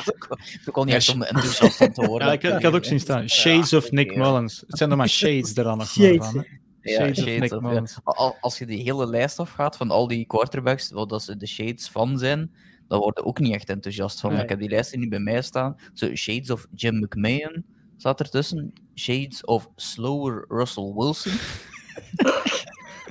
shades of Sam Darnold. Ja, oké. Shades of Josh Johnson. Ben je gewoon aan het aflopen. En Shades of Ryan Mallet with touch. Ja. Dat zijn er dus, dus- of- of- en eh, Cordell, Cordell Stewart was er ook nog voor Malik Willis. Dus dat is ook niet echt om allemaal enthousiast van te worden. Ja, dat- en dan moeten Dat de mensen nog weten. Omhoog, eh, omhoog eh, afgerond, eh, die alleszins. Ja, Ryan Mallet. Nou, ik ken hem nu omdat hij ooit een Arkansas quarterback was, maar goed. Ehm, goed, dat waren de quarterbacks, want we hebben er al eh, ruim de tijd voor genomen om erbij stil te staan. Het is de belangrijkste positie. Te lang eigenlijk. Ja, goed, inderdaad. Maar het is, het is, je zegt terecht misschien te lang, want qua groep eh, valt hij zeker... Ik, ik hoor heel vaak, geen een van die vijf kerels die we nu hebben opgenoemd zou, eh, is misschien zelfs nog maar beter dan Davis Mills. Eh, dan- Nee, is Mills is beter. Ja. is inderdaad beter. Dus misschien Misschien de dat Willis en jaar. Pickett- Ja. eh, wat beter zijn. Willis is qua talent veel beter. Maar ik denk dat, dat als je dat Pickett en Willis, eh, of Mills, sorry, die, die verschillen niet zoveel van elkaar. Ja. Ja, Lars, als jij een, een NFL GM was en je had een quarterback niet, zou je een jaar op je tanden bijten? Of, en dan voor volgend jaar? Eh, als ik de Lions was, sowieso. Want Ja. die gaan volgend jaar ook weer op deze plek zitten. En dan zijn er 300 miljoen quarterbacks die je kunt kiezen. Eh, als ik de Panthers was, heb je geen keuze. Want eh, je moet een quarterback hebben. Je kunt niet volgend jaar met Sam... Ja, het kan wel. Ehm, Ja, als je echt moedig bent, doe je het. Maar Matt Ja. Rule, ja, die, die, die moet winnen dit jaar. maar Dus, ga, jij, ga jij maar eens op 6, als Willis niet straks beschikbaar is, ga jij maar eens nee zeggen tegen Willis op 6. Dat wordt, ik denk dat de Panthers daar Ja. heel moeilijk mee gaan Het hebben. probleem met de Panthers ook is, en dat weten weinig mensen denk ik, die hun volgende pick na zes is ergens in de vierde Heel ronde. diep, hè? Ja. Ja. 130 Ja. of zoiets. dus het is ja, quarterback en dan niks. Als ze echt, ja, enfin, straks, we gaan straks nog een top 10 eh, er gauw doorjassen. Dus dan zullen we het zeker nog kort even over de Panthers hebben. We gaan voor naar de volgende positie. En dat is wel een goede groep, de wide receivers. Eh, het is wel een topjaar, denk ik, hè, voor wide receivers. Eh, nog maar eens. Ja, Ja, nee, dat is, het is nu eigenlijk een trend. De afgelopen drie, vier jaar, denk ik, hebben we echt wel hele sterke receiver gezien. Uh, moet wel gezegd dat, wat mij betreft, dit jaar uh, geen types Lamb, Chase, Smith, dat soort jongens bij zitten. Het is meer de categorie Waddle. Ja. Justin Jefferson, de, dat groepje zeg maar. Er zitten ook absoluut, en die gaan er zeker tussen zitten, Jalen Ragers tussen. Um, maar het, wat wel is, je hebt, ik, ik, zou me niet verbazen als we straks in de draft zeven, misschien acht wide receivers in de eerste ronde zien gaan. Want het, het gaat, het, er zijn er zoveel en het is, zit zo dicht bij elkaar. En het zijn zoveel verschillende types ook. Uh, dat er voor elk systeem in de NFL wel een, een, receiver is in de eerste ronde die ze zouden kunnen kiezen. Ja, dat is de interessantste groep volgens mij om te volgen dit jaar, de wide receivers. Ja. Inderdaad, je zegt veel verschillende uh, type spelers, maar ook veel teams die er eentje nodig hebben. Hè. Ik denk, ik was er straks aan het opnoemen. Uh, ja, wie kan er geen gebruiken? De Jets, de, ah, wel bijvoorbeeld de Jets, Falcons, de Commies. Ja, ik weet die naam. Commies, ja. ja. ja. De Texans, ja, die kunnen alles gebruiken. Saints, Eagles, Patriots, Packers, Chiefs, Cardinals. En dan ben ik gestopt. Um, dus ik, ik, uh, ik, denk dat iedereen, en heel veel van die teams kunnen er ook echt eentje van de eerste ronde gebruiken, om van de Packers en de Chiefs maar te zwijgen. Um, we zullen ook hier een top 5 proberen te bekijken en dan nog eens kijken of er nog dark horses zijn, en die zijn er zeker wel, denk ik, in deze groep. Ja. Um, misschien de wide receivers van Ohio State even, even groeperen. Uh, Chris Olavi en uh, Garrett Wilson. Uh, heb je daar een, een voorkeur in, in, Lars, van ja, wie... Garrett Wilson wordt wat consensus nummer 1 vaak genomen. Ja. Is dat bij jou ook zo? Nou ja, ik vind het ten eerste altijd heel lastig om receivers uh, als complete plaatje gewoon in een top 5 te zetten. Omdat je hebt drie, misschien zelfs vier receiver posities. Ja, je, okay, je, ja. hebt de slot, je hebt outside, je hebt 1 tegen 1, je hebt, eh, noem het allemaal maar op. Um, maar als je kijkt naar wie alles het meest compleet kan en wie waarschijnlijk de grootste zekerheid gaat zijn, waarvan je zegt die kan als hij bijvoorbeeld bij de Jets komt, meteen een nummer 1 receiver zijn. Uh, dan is dat Garrett Wilson. Want die, die kan je in de slot zetten, die kun je aan de zijkant zetten. Um, die kan eigenlijk alles uh, goed.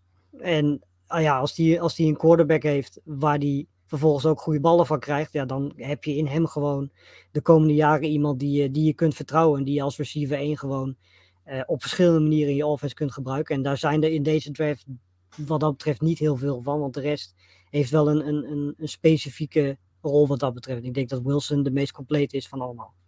Ja, Laurens. Uh, Chris Olavi, die is dan weer een beetje een... Uh, meer dat type dat je er net, dat, dat, dat Lars noemde, Waddle en... Um, ja, noemt er nog zo eentje. Ja, gewoon een, een, een snelle, snelle man eigenlijk.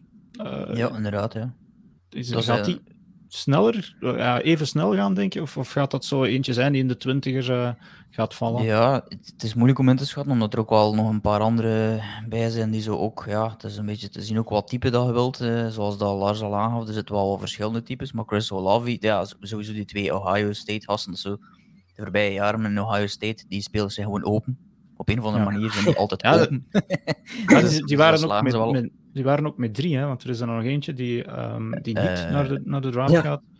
Um, ja, Lars wil eens even aankwamen, dus handig dat jij er nu bij bent. Uh, anders ja, die niet naar de draft gaat, bedoel ja, uh, Jackson, Smith en Jigba. Jackson en, en Jigba. Ja, Jigba. En ja. Jameson Williams speelde daar tot vorig jaar ook Ja, ja inderdaad. Die was de nummer vier receiver daar. Ja. ja. Um, dus ja, wat dat Chris Olavi betreft, ik denk dat dat wel degene is die iets meer uh, nog de, de diephang heeft, uh, om het dan zo te zeggen, die iets meer uh, voorbij de, de, de safety raakt dan, dan Garrett Wilson. Niet dat Garrett Wilson daarom traag is, maar, maar Olavi is van die twee Ohio State wel degene die, die diepste raakt. ja, het enige is, het is geen kerel die, die yards after the catch heeft. Nee. Ja. Van zodra alles voor zodra hij de bal heeft, stopt het bij wijze van spreken.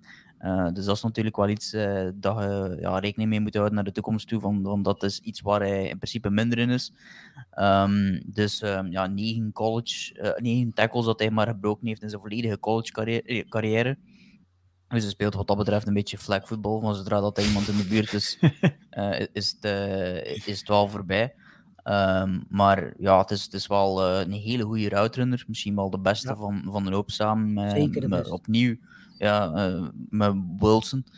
Ehm, ook ja, hele goede handen. Zelden of nooit. Ook die diepe ballen die je dan ook ziet vliegen.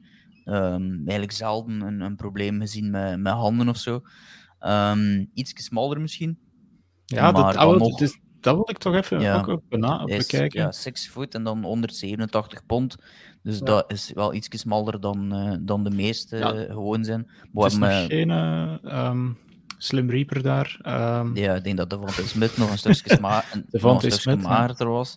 Eh, maar ja, dat is maar dat wel een van de dingen die... mee, ja. denk ik. Zo, Ja, die, de- die Het, het ding met, met Olave is, als hij iets eh, beter was in, in, in het, het maken van, van contested catches en het, wat fysieker gebouwd zijn, dan, dan was Olave eh, met afstand de beste slot ja. receiver in deze draft die hij had kunnen hebben. Mhm. Maar omdat hij dat niet heeft, eh, ja, is het een outside receiver met hele goede route running skills en, en iemand die je, die je diepe ballen kan gooien.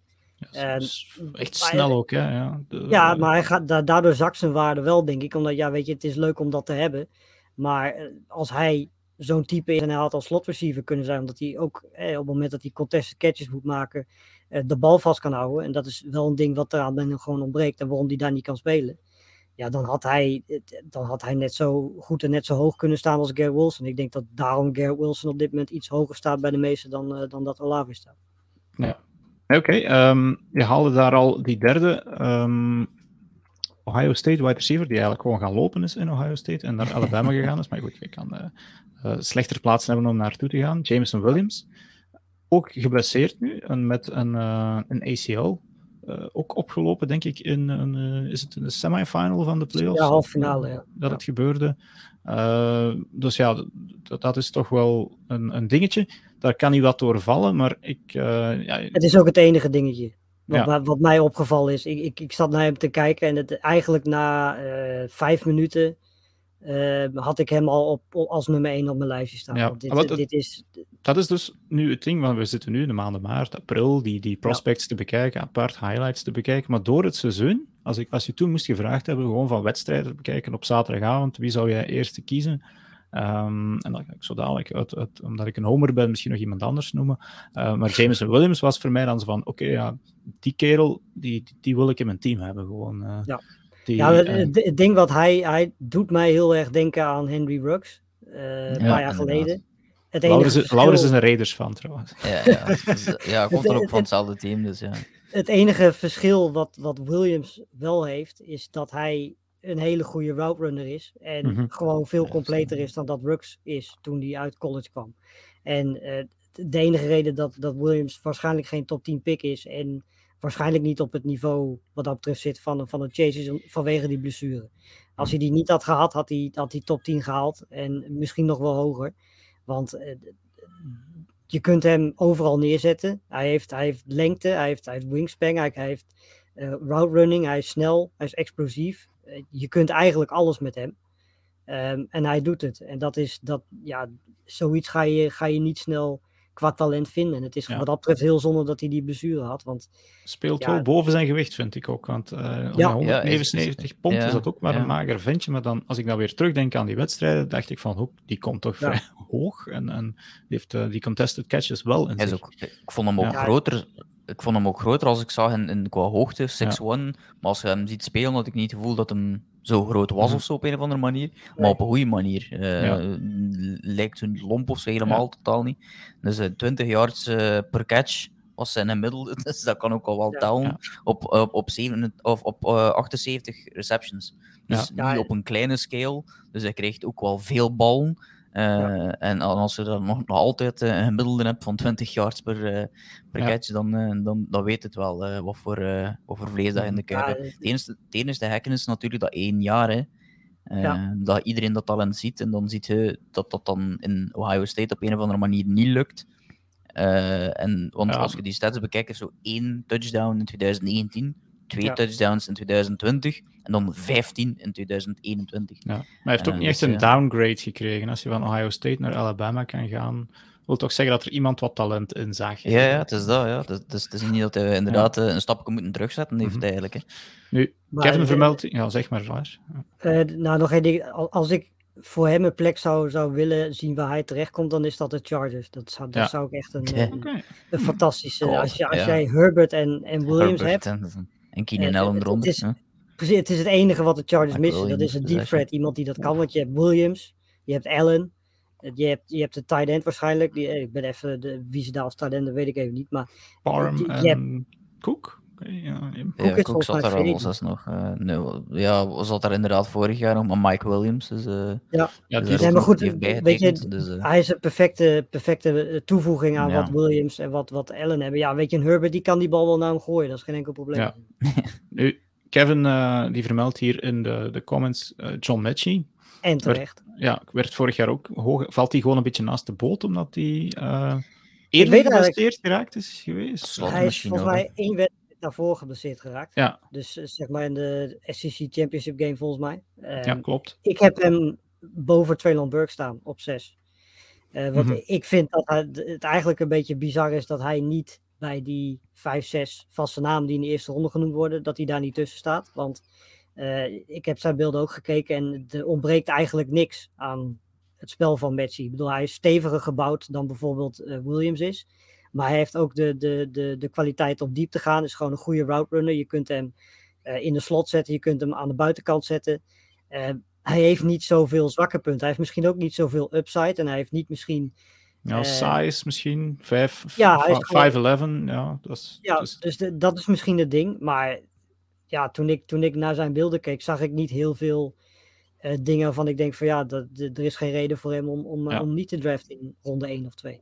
Hij heeft natuurlijk nu niet kunnen, kunnen testen, want ja, op, Ja. op, eh, op krukken kan je geen 40-yard dash lopen, dus we weten niet. Maar eh, hij was wel eigenlijk, eh, voordat er van Jameson Williams sprake was, next man up vorig jaar, Ja, eh, wel, ja. nadat de- Devontae Smith daar vertrokken was. Ja. Want toen was, vorig jaar was, was John Mechie, viel die mij eigenlijk meer op naast Devontae Smith dan... eh, want toen was hij geblesseerd, ook weer, denk ik, eh, vorig seizoen dan.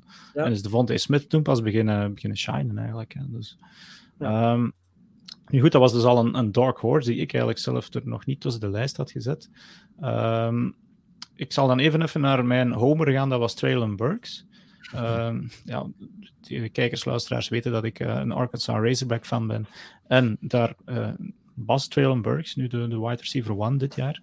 En, en ook weer voor mij on tape. Ja, eh, hij was een van de enige targets eigenlijk. En toch kreeg hij elke week de ballen. Hij heeft dan wel die size, echt wat die andere mannen die we er net nog niet genoemd hebben, eigenlijk niet hebben. En ja, ving, ving gewoon bijna alles wat in zijn richting kwam. Hij heeft wel een downgrade gekregen na de, eh, na de, na de draft, omdat hij toch niet zo snel bleek als dat eh, Ja. van een wide receiver verwacht werd. Ehm, maar ja, en laten we daar ineens misschien Drake London bij nemen, de, de wide receiver van USC. Dus ook size. Eh, dat hebben die twee mannen dan weer wel. Dus even samen ballen in een pakketje. Eh, ja, ik, ik veronderstel je Drake London hoger inschat. Eh, ja, ja, en dat komt eigenlijk vooral omdat Drake London wat completer is. Ik bedoel, Traylon Burke kan eigenlijk geen routes rennen. Dat is gewoon, gooi die bal naar hem en hij vangt hem 9 van de 10 keer. Maar, en, ja, wat, wat moet de wide receiver meer doen? Dus, eh, behalve- ja, precies. Nee, maar goed, eh, weet je, en Drake London, wat hij heeft, is hij, hij is wel eh, wendbaar. Hij kan routes rennen. Hij kan op meerdere manieren mensen verslaan. En dat is het probleem waarom Burks ook wat verder weg staat, denk ik, bij, bij andere mensen dan Drake London. Maar Mhm. ook waarom Drake London verder weg staat. Want ze hebben allebei gewoon niet zo heel veel snelheid. Eh, Nee, en Drake nee. London heeft iets meer manieren om mensen te verslaan. En om separation te, te creëren. Maar absoluut niet zoveel als Olave, als London, als, als Williams, als, als, als Wilson. Nee. En eh, wat dat betreft zitten ze voor mij ook in een, een, een tweede categorie eh, met receivers achter die vier. Want ik heb bij, bij Williams, eh, Wilson en Olave nog een vierde staan. Maar daar komen we zo meteen wel. Oké, ben ik wel benieuwd naar. Ja, ik, ik heb nog wel een, een dingetje, en dat is met US, ja, niet USC specifiek, maar Pac-12 receivers. Mhm. Ik, ik kan mij er niet direct veel opnoemen die shinen in de NFL. Ja, vorig jaar dan nu Amon St. Brown uit noodzaak, misschien een Ja. beetje bij, bij, bij de Lions, maar, het, het- ja, maar dat is hetzelfde als we zeggen van Ohio State quarterbacks, die, die worden het niet. Eh, Pac-12, dus California, Oregon, Washington. Eh, de receivers die uit die conference komen, die, die, die groeien niet door in de, in de NFL. En ik weet niet waaraan dat ligt, hè, maar Eh, dat ligt vooral aan het feit dat de cornerbacks daar niet zo goed zijn. Dat, Oh ja. dat, dat is een heel belangrijk onderdeel daarvan. Want het, het, het niveau in de Pac-12 is sowieso minder hoog. Mhm. Dan wordt sowieso heel veel gescoord. Dus dat, het, dat is al een heel groot verschil. Ik bedoel, teams als, als Utah zijn echt een, een, een- een- dat, dat zo'n beetje het enige team dat echt een goede defense heeft. En de rest ja, heeft een goede quarterback, gooit heel veel en scoort heel veel. En ja, wie er dan aan het einde wint, die wint. Eh, Er zijn gewoon niet zo heel veel goede. De enige plek waar je goede defensive backs vandaan ziet komen is Washington. Ook dit jaar weer. Ehm, maar dan heb je het ook wel gehad. En dat is wel een voordeel voor iemand als Drake London, die natuurlijk op verschillende manieren mensen kan verslaan. Ja, die, die gaat dan natuurlijk domineren in zo'n conference. Dat had hij in, in bijvoorbeeld de SEC absoluut niet gedaan. Nee. Ja, het, het- er wordt ook wel verwacht dat hij wel top 20 gaat gaan, hè, Drake London. Ja, die Ja, gaat de de- eerste ronde wel. Ja, ja, sowieso. Ik denk dat er ook wel iemand is die zo. Ja, heb- er zijn ook wel een aantal eh, van die, die eh, ja, de, de analisten en, en E ESPN en bekijk allemaal, die hem helemaal van boven zetten, bijvoorbeeld. Hè. Ja. Ja, dus- klopt, dus klopt. Ja. te- hij, hij schuift zo'n beetje in, in de lijst tussen één en, en, en ja, eh, heel veel verschillende. Je kent er geen 40-yard tijd van, hè, want die heeft hij gewoon niet Die heeft gelopen. hij niet gelopen, nee. Ja. Maar hij is, hij inderdaad ook gewoon niet zo snel. Hij heeft een basketbalverleden. nu, dat wil erom niet zijn dat hij traag zit. Eh, maar je ziet dat wel ook een bepaalde manier. En hij heeft wel Ja. ook nog... allee, hij is wel... Hij is 6'4 of 6'5. Dus hij is wel behoorlijk groot. Eh, maar ik vind niet dat je dat ziet. Je hebt zo eh, Christian Watson bijvoorbeeld, die ook zo af en toe wel eens genoemd wordt. Als zo misschien een first round pick van North Dakota State is dat, denk ik. eh. Ja. Ja. En, eh, maar, maar dat is dan vooral een- lomperik en dezelfde grootte. Ehm, eh, maar, maar Drake London is wel in zijn heupen veel, veel losser en is wel in staat om, om de rest het, eh, het, cornerback te shaken en zo. Ehm, en heeft ook heel veel, daar is hij toch wel veruit de beste in, in heel de groep en blijkbaar ook in college. Het zijn contested catches, hè. Eh, die Ja. 50-50 balls en zo, was zijn nummer 1 in, in, eh, in de hele country, in de hele, hele natie. Dus dat, dat is wel iets waarin dat, als je niet wist wat je moest doen bij USC, gooi je een bal in de richting van, eh, van Londen, die ook nog een keer vrij Ja, grote hoog- handen hoog heeft. en genoeg. vrij- Ja. ja, hoog genoeg eh, en, en, en eh, ook wel redelijk eh, eh, grote wingspan. Dus Ja, dat was wel een, wel een groot TK voordeel. Metcalf zonder de snelheid eigenlijk een beetje. Ja, eigenlijk het doet me beetje eigenlijk een beetje denken aan Mike Williams en eh Ja, Sean ja. Jeffrey bijvoorbeeld, dat soort, eh, soort types. Ja, dat, dat zijn Burks en, en Londen. Gewoon Londen is misschien de iets luxere versie daarvan. eh, Ja. Oké. Terwijl, een terwijl een Burks, om dan juist daar nog even op terug te keren, die wordt dan vergeleken met Timo Samuel bijvoorbeeld ook. Dat hij zo heel veel eh, screens, screen, screen passes en zo heeft, heeft gedaan in college. Maar dat dan, Ja. dan een, een, eh, dat is Ja, dan veel- een, vergelijking naar die naar boven outside. afgerond wordt. eh, weer, weer, Mhm. dat is eh Nou, het ding Timo is van Samuel dat is, vergelijken. er, er zijn niet heel veel teams die spelers op die manier gebruiken. Dan moet je eigenlijk al in de, in de McVay-tree terechtkomen, zeg maar. Ja, ook al. Nou, dan praat je echt ook al meteen over hele specifieke fits waar je het dan, waar je het dan over hebt natuurlijk. Oké, dan gaan we raden naar de Dark Horse op nummer 5 van Lars. Ehm, Ja, ik ben nu wel, ben wel ook aan het denken. ja, ik, ik heb lang Sky Moore een, dan. een boom gehad voor George Ja. Pickens van, van Georgia. Ehm, is het hem niet? Nee? Eh, Dodson? Sky Moore? Eh, John Dodson, ja. Dodson, Ah, ja. oké. Ja. North Dakota Ja, State, nee, zeker. Hè? ik ben, of, eh, eh, nee, Penn State. Penn State, sorry. Ja, Ja. ja. Ja, nee, wat, wat ik van, eh, de- van hem zo goed vind en eigenlijk een beetje underrated vind, is dat hij eh, ten eerste met een, een quarterback heeft gespeeld die niet zo heel erg fantastisch was. En eh Dodson laat gewoon geen ballen vallen. Volgens mij had hij twee, drie incompletions het afgelopen seizoen die hij had moeten vangen. De rest ving hij allemaal. Dus hij, wat dat betreft is hij fantastisch. Ehm, de enige reden waarom andere mensen, denk ik, iets minder hoog zijn dan hem, is omdat mensen eh, minder enthousiast zijn, of NFL-teams waarschijnlijk minder enthousiast zijn over slot receivers dan dat ik ben. Want het- volgens mij is John Dodson de, de ideale slot receiver voor de NFL. En eh, elk team moet volgens mij zo'n speler hebben.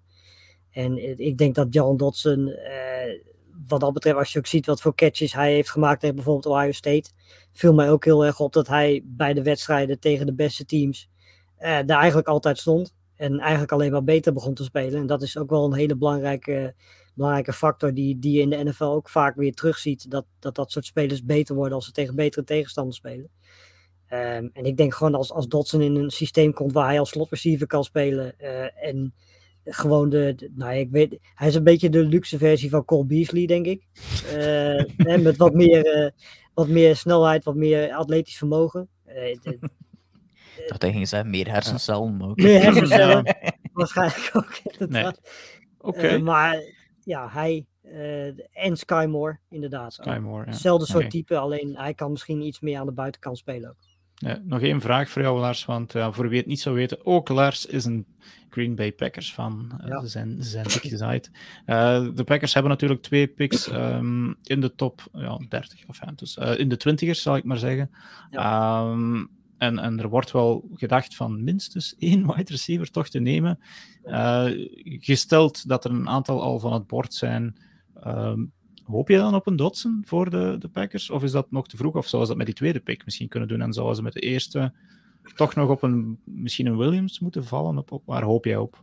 Uh, nou ja, in principe is de situatie qua receivers bij de Packers zo erg dat het mij eigenlijk niet zoveel uitmaakt wie daar gedraft wordt. Als er ja. maar iemand komt. Uh, ja. het, het, eigenlijk hoop ik gewoon dat ze twee keer een receiver kiezen. Want uh, met, met de receivers die, die de Packers nu hebben, uh, ja, heeft het eigenlijk geen nut om, om, om Aaron Rodgers een zo'n grote extension te geven. Nee. Uh, dus daar moet gewoon wat bij. En ja, weet je, als dat Dodson wordt, prima. Als dat Williams zover valt, prima. Als dat Burks is, uh, is dat ook mooi meegenomen. Sky Moore zou ik fantastisch vinden. Mm -hmm. maar de Packers zitten nu in zo'n situatie dat ze gewoon moeten leven met de receivers die overblijven. Want de, ze kunnen gewoon nu niet zeggen van we draften geen receivers. Dus met afstand nee. de, de minste plek van dit team. Um, en je kunt Aaron Rodgers niet een receiver core geven waarbij uh, Lazard eigenlijk uh, de beste receiver is die je hebt. Dat, dat ja, is gewoon tussen, tussen haakjes de beste receiver. In ja. enfin, um, goed, ja, nee, dankjewel voor die inzichten nog. We gaan de twee andere offensieve groepen die ook uh, nou ja, interessant zijn, running backs en tight ends, kort, kort bespreken, want ja, er zijn er gewoon niet zoveel talenten dit jaar. Um, als we dan bij de running backs beginnen, uh, ik heb twee namen die uh, volgens mij de, degene zijn die ook, ook, ook dit jaar, uh, die, die misschien first round bus zouden kunnen krijgen, maar ik denk het, zal al straf moeten zijn. Breeze Hall van Iowa State en Kenneth Walker van crap. Als ik kijk, goede voorbereiding. Michigan, Michigan State. State. Michigan State, ja, tuurlijk. Uh, of Kenny Walker, ja, die wordt toch soms dan met twee namen genoemd. Uh, zijn, is, is dat de top twee uh, die, die boven de rest uitsteekt voor jou, Lars? Dat is niet mijn top twee. Nee, nee ook niet? Nee, okay, ik ja, heb... Dus... Ja, Breeze Hall wel, die steekt er voor mij bovenuit. Ja, het is misschien een tier on, on his own, ja, denk ik. Ja, ja zeker. Nee, de, de, die, wat, hij, wat je wat NFL-teams graag in een, hè, als, je, als je al een eerste ronde pick kiest, en daarom is het bijvoorbeeld bij Barkley ook fout gegaan. Uh, als je al een, een running back zo vroeg wil kiezen, dan moet je eigenlijk hebben dat hij alle drie de downs kan spelen. Dus op first en second down, maar ook op third down als, als pass catcher of als uh, pass protector. En ja, Hall kan dat alle drie. Dus die, als je op het moment dat jij die draft, kan die gewoon drie downs spelen. Ja. Um, en die kun je gewoon meteen op elke manier inzetten. En dat is de reden dat ik Kenneth Walker zelfs op drie heb staan. Omdat Walker heeft gewoon nul pass protection. Die kan dat gewoon niet. Mm -hmm. En uh, ja, in de passing game heb ik niet genoeg van hem gezien om te zeggen van dat gaat hij in de NFL straks op third down ook kunnen spelen. Nee. En dan ben je een first en een second down running back. Ja, en dan gaat je waarde al uh, niet per se heel hard omlaag, maar wel, wel zo genoeg omlaag voor mij dat ik denk, ja, dan zit je al in de groep tweede Ja. ronde. En uh, daarom heb ik ook Isaiah Spiller nog net iets boven hem gezet. Oh, toch, ja. Want voor mij is het dan achteraf een beetje, doe ze allemaal maar in een zak uh, en trek er eentje uit. En uh, het zal een even grote gok zijn of die jongens uh, goed of slecht Ja, het is en blijft running back. Dat is, dat is gewoon het ding, weet je. Dat is ook de reden waarom bijna niemand meer in de eerste... Weet je, running backs in de derde, vierde ronde kunnen uiteindelijk net zo goed worden als die in de tweede ronde. Uh, omdat het gewoon vooral afhangt van het systeem waar die in terecht komt. Als, als Ja. hij een offensive line voor zijn neus heeft, uh, die gaten creëert voor hem, is het enige wat hij hoeft te doen is er doorheen rennen. Ja. Uh, en als hij een goede coachingstaff heeft die ervoor kan zorgen dat die gaten eh, daadwerkelijk ook gecreëerd worden, dat die offensive line weet wat hij moet doen. Ja, dan kun je dat hebben we ook bijvoorbeeld bij de Panthers gezien. Weet je, McCaffrey viel uit en uh, Davis kon in één keer fantastisch doen. En die zit nu bij de Falcons, die hebben we vorig jaar niet gezien. Nee. Uh, zo gaat Ja. dat gewoon. Dat, dat, dat, dat laat wat mij betreft. Ik ben ook wat dat betreft blij dat, dat NFL-teams uh, niet zo snel meer running backs in de eerste ronde. En als het al gebeurt, is het eind eerste ronde. Hè, de Jonathan Taylors, de, de, dat soort jongens. Maar dat komt ook, Jonathan Taylor kon ook alles. Die liet in zijn laatste jaar bij Wisconsin ook zien dat hij ook de bal kan vangen. Ja, en, Ehm, toch, en toch pakte de Chiefs nog Clyde edwards hilaire ervoor. Een, een rare beslissing destijds. Ja, veel ja, spijt vond van, ik ook. ik. Dat denk ik Ehm, ook, ja. Zo, Laurens, ehm, van running backs in de eerste ronde gesproken. Gaan de Bills, of moeten de Bills, eh, een running back kiezen, denk je, in de eerste ronde, zodat ze een zekerheidje hebben op Brees Hall? Of, Nee. nee? Oh, ja, Nee. Eh, eh, wacht, ja, wacht, je bent er terug. eh, Ja, weg, zeg ik weet niet wat ik... eh, Ja, Ja, ik, Frozen. ik, ik, ging mij iets, ging iets vragen, maar Ja, ik weet niet wat. Ik zei, ben, de, eh, de Bills, ze zitten daar op het einde van die eerste ronde. Ehm, ik denk misschien het meest eh, eh, qua complete team dat dus wel, maar wel running back needy nog een beetje is. Gaan zij een, eh, een eerste ronde pick Nee. afschieten op een running back of niet? Dat zou ik niet in de eerste ronde doen. Zoals dat Lars al gezegd heeft, hij vindt hem vaak in de, in de diepere ronden nog wel, eh, nog wel iemand. Eh, ik zou dan eerder voor, eh, voor de omgekeerde richting gaan, in de zin van de run te proberen stoppen en daar ergens eh, een Devontae White of zo proberen, echt een runstopper eh op, eh oppikken, dan, dan echt eh, de running back zelf te gaan, eh, te gaan oppikken. Dat is ook Ja, ze- later ze hebben in proberen hun doen. team al een, eh, perfect voorbeeld ervan. Singletary. Ja, Singletary was ook, eh, ja, vierde, zoiets. ja, Ja, dus voor een team ook zoals, zoals de Bills, die sowieso meer pasen dan dat Ja, ze rennen. Ja, ga je gebouwd dan in de eerste te ronde een, een running back Mhm. draften? Dat, ja, Ja. Ik, ik zie dat niet gebeuren. Nee, En als het iemand is, is het Brees Hall, omdat hij ook goed is in pass protection en, en in de passing game wel goed is. goed.